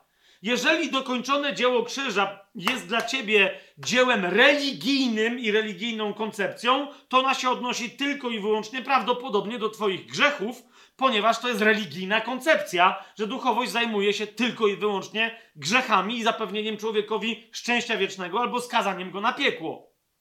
Ale krzyż i dokończone dzieło jest czym? Jest nie tylko zrodzeniem prawdziwego potomka Abrahamowi, ale w nim zrodzeniem całego potomstwa obiecanego Abrahamowi. Czy to jest jasne? Jak wtedy zobaczysz więc, że czekaj, ale to potomstwo ma jakie obietnice? Na zawsze, ale też doczesne. Jakie ma? Jak zobaczysz, jakie ma, to nagle wtedy wiesz, że aha, aha, to nie jest kwestia wmawiania sobie czegoś. To jest kwestia zobaczenia czarno na białym, co to znaczy, że ja jestem dziedzicem Abrahama, co się należy dziedzicowi tu, a co się należy dziedzicowi w wieczności Abrahama. Czy to jest jasne, co, co, o czym ja mówię? Zauważcie, mamy przypowieść, o niej jeszcze będziemy mówić przy okazji listu do Hebrajczyków. Mamy przypowieść o e, łazarzu i o bogaczu, którą Pan Jezus opowiada, tak? Dosyć interesująca przypowieść, w ramach której mamy bezimiennego bogacza, ale bardzo imiennego biedaka. I w, tym, w tej przypowieści pojawia się również konkretnie z imienia kto? Nie kto inny, jak sam we własnej osobie ojciec Abraham. ok? Na którego łonie ląduje wypoczywając łazarz. Zwróćcie uwagę, że ten łazarz nie doświadcza obietnic należnych potomstwu Abrahamowemu, mimo że jest Żydem tak samo jak, albo nie tak samo, to jeszcze o tym pogadamy, nie dzisiaj. Ale on jest Żydem tak, Żyd, on jest Żydem w tej przypowieści. Jest biedakiem, chorym, który umiera w cierpieniu. Ok? Nie doświadcza za życia obietnic potomstwa Abrahamowego. Tak? Dwa, ląduje następnie na łonie Abrahama. Czy tam doświadcza obietnic? Nie, tam jedyne, czego nie doświadcza, to ognia, tylko se leży na łonie Abrahama i na coś czeka. Dlaczego? Bo nie jest potomstwem Abrahama. Po prostu będziemy więcej o tym mówić. Czemu Pan Jezus tam gadał o jakichś ogniach i tak dalej, co tam ten bogacz robi, zanim jeszcze, jeszcze się sąd nie odbył żaden. Kapujecie e, Białego Tronu. Co ten bogacz robi tam w jakimś ogniu? Pan Jezus, a co Pan Jezus tam mówi o jeziorze ognia, czy o czym on tam mówi? Hmm? Zwróćcie uwagę, że sam list do Hebrajczyków mówi o ogniu, który się należy także oczekującym na sąd. A? Więc tam się znajduje bogacz. Łazarz nie. Ok? Ale łazarz nie doświadcza błogosławieństw obiecanych potomstwu Abrahama. Więc co jest grane? To, że on ląduje na łonie Abrahama, to on tam ląduje i go przytula Abraham, jako cierpiącego za życia, ale nie jako swoje potomstwo. On się nim może, wyda- może stać.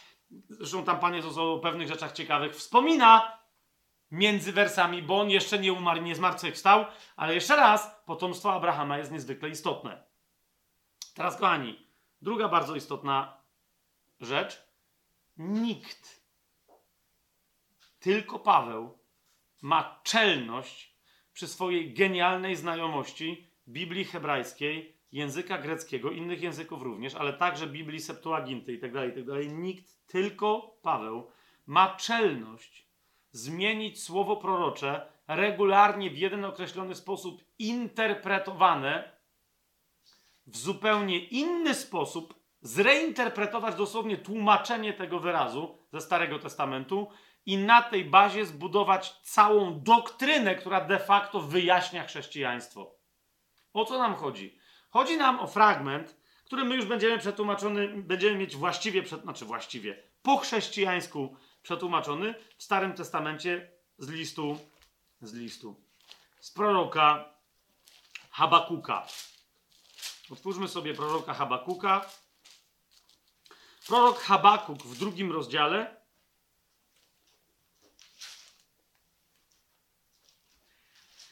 Mówi dosyć interesującą rzecz, mianowicie w trzecim i czwartym wersecie powiada: To widzenie bowiem dotyczy oznaczonego czasu. Mamy Habakuka, drugi rozdział? A na końcu oznajmi, a nie skłamie, a choćby się odwlekało, oczekuj go, bo z pewnością przyjdzie, a nie spóźni się. Co?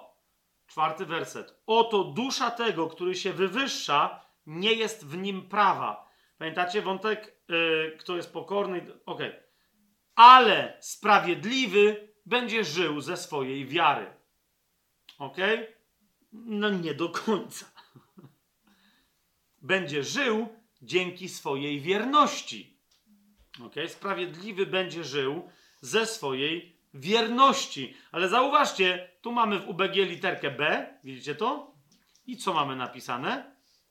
Że tylko jeden autor cytował ten fragment, a był to Paweł w liście do Rzymian, w liście do Galacjan i, jak już wiemy, w liście do Hebrajczyków.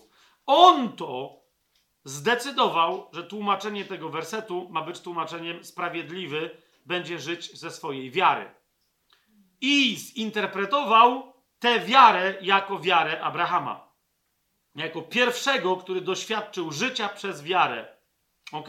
Bo, bo ten werset był yy, zasadniczo tłumaczony jako dowód na to, że należy przestrzegać wiernie prawa. Słyszycie, co, co ja mówię? A więc kto jest wierny przestrzeganiu prawa, ten jest wierny Bogu. Ok? A Paweł co zrobił? Otwórzmy sobie najpierw list do Rzymian, pierwszy rozdział, 17 werset. Wiedząc, o czym będzie pisał cały list do Rzymian, ok? Paweł w pierwszym rozdziale e, listu do Rzymian, w 17 wersecie, w 16 i 17 wersecie powiada: Nie wstydzę się bowiem Ewangelii Chrystusa, ponieważ jest ona mocą Boga ku zbawieniu dla każdego, kto uwierzy. Najpierw Żyda, potem i Greka. W niej bowiem objawia się sprawiedliwość Boga z wiary w wiarę. To jest kolejna koncepcja Pawła, z chwały w chwałę, z wiary w wiarę, którą Jan wyrazi mówiąc łaska za łaskę. Z wiary, z jednej wiary w drugą wiarę, z wiary cielesnej w wiarę duchową, którą Paweł następnie tutaj opisuje. W liście do Galacjan swoją drogą też. ok? Ale nie to nas teraz interesuje, tylko na bazie czego, jak jest napisane, sprawiedliwy będzie żył z wiary. On tu przedstawia koncepcję wiary chrześcijańskiej, pistis, i cytuje Habakuka, który mówi o inaczej rozumianej wierze, bardziej jako wierność niż jako wiara. Paweł mówi nie, Habakuk, tam, Duch Święty przez, Habakuk, przez Habakuka wyraził tam koncepcję wiary, jaką ma być wiara chrześcijańska, wiara w Jezusa Chrystusa, wiara końca czasów, która usprawiedliwia wierzącego w Niego. Czy to jest jasne? To jest pierwsze, zauważcie, list do Rzymian. Pierwszy, również jedyny list, w którym jest mowa potem o potomstwie Abrahama. Drugi list, w którym jest mowa o potomstwie Abrahama, to jest list do Galacjan i również w liście do Galacjan, zanim się dowiadujemy czegokolwiek o e, potomstwie Abrahama, nie czegokolwiek się dowiadujemy, tylko jest jasno to wyrażone, najpierw dowiadujemy się, co napisał Habakuk. To jest trzeci rozdział.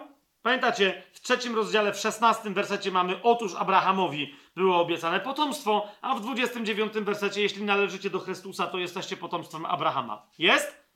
Na bazie czego niby? Trzeci rozdział, jedenasty werset. A że przez prawo nikt nie jest usprawiedliwiony przed Bogiem, jest oczywiste, bo sprawiedliwy będzie żył z wiary. Drugi raz dosłowny cytat z Habakuka 2:4. Rozumiecie? Dosłowny cytat. I teraz Paweł, to nie jest jedyne miejsce w liście do Rzymian też, ale mówi, że ten cytat odnosi się do Abrahama, bo szósty werset, tak jak Abraham uwierzył Bogu i zostało mu to poczytane za sprawiedliwość. No właśnie, tak, tak jedenasty werset, nikt nie jest usprawiedliwiony przed Bogiem, bo sprawiedliwy będzie żył z wiary, a nie z przestrzegania prawa. Jasne? I teraz, gdzie jest trzecie miejsce, kiedy ktoś w tak bezczelny sposób tłumaczy, o co chodziło prorokowi Habakukowi. List do Hebrajczyków, 10 rozdział, 38 werset. A sprawiedliwy będzie żył z wiary. 38 werset. 37 werset mówi o tym, że, że to jest ostatni czas, dokładnie tak jak Habakuk, bo jeszcze tylko bardzo krótka chwila, a przyjdzie ten, który ma przyjść i nie będzie zwlekał, a sprawiedliwy będzie żył z wiary. I zobaczcie, o czym mówi cały dziesiąty rozdział, o naszej bezczelności, o śmiałości. To jest takie tłumaczenie, dziewiętnasty werset dziesiątego rozdziału mówi, mając więc bracia śmiałość. Ale to jest naprawdę swego rodzaju dziecięcą bezczelność, żeby co? Żeby przez krew Jezusa wchodzić do miejsca najświętszego. Nie jesteśmy żadnymi arcykapłanami. Nie on, on jako arcykapłan co zrobił? Rozdarł zasłonę mocą swojej krwi, żebyśmy my wchodzili bezczelnie, bezczelnie przed sam tron Najwyższego i mówili nam o co mu, mówili mu o co nam chodzi. Ok? Bo sprawiedliwy żyje z wiary. Z wiary w krew. Ok? Przez krew Jezusa, nie przez nasze zasługi. To jest dokładnie to. Więc rozumiecie, myśl, która jest wyrażona przez Pawła o potomstwie Abrahama, interpretowana, że sprawiedliwość pochodzi z wiary, bo Habakuk zapowiadał, że sprawiedliwy z wiary żyć będzie, Paweł te tematy łączy i rozwija w liście do Galacjan, w liście do Rzymian i trzeci raz w liście do Hebrajczyków. Jeśli to nie jest Paweł, to nie wiadomo o co chodzi. Czy rozumiecie, co się dzieje? Ale jeszcze raz, jeszcze raz, te osiem, tych osiem dowodów, które przedstawiłem, powinny wystarczyć. Tylko, że jak już je mamy, to wtedy widzimy, że z samej treści wychodzi Paweł dokładnie tak, jak teraz wam pokazuję. Tak? Trzy cytaty z Habakuka usprawiedliwienie z wiary, potomstwa Abrahama, w liście do Hebrajczyków są rozwinięte, ale bez podstawy, jaką jest wcześniejsze nauczanie Pawła, o którym on sugeruje, że tutaj to nauczanie jest tylko skrótowe, na przykład nauczanie w liście do Rzymian, ale prawdopodobnie, które było jego nauczaniem do Żydów, na przykład w Koryncie, no bo zauważcie, skąd chłop pisze list do Rzymian i tak dalej, i tak dalej, w Efezie. On w różnych miejscach diasporze żydowskiej mówił dokładnie o tym, czym jest usprawiedliwianie z wiary Habakuka i że ojcem tego usprawiedliwienia z wiary jest Abraham. Ok? jeżeli nie ma list do Hebrajczyków tego samego autora, co list do Rzymian i list do Galacjan, to dobrze doszlibyśmy do tych samych wniosków, czytając sam list do Hebrajczyków, bo on jest natchniony, ale bylibyśmy ograniczeni, nie mając tamtych yy, rozważań. Czy to jest jasne?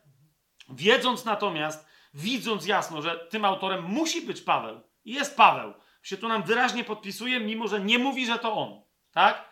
Dzięki temu możemy sobie w liście do Hebrajczyków, w modlitwie za, za naród Izraela, w, w ustrzeganiu, rozumiecie, jeżeli on Żydom mówi, żeby się strzegli bycia Żydami, to ktoś powie, no ale my nie jesteśmy Żydami. Nam to bardziej grozi. Patrzcie, Galacjanie. Galacjanie to są poganie, którzy nagle chcieli być bardziej papiescy, od, papie, czyli bardziej żydowscy od Żydów. Nam to zawsze grozi. Zawsze grozi.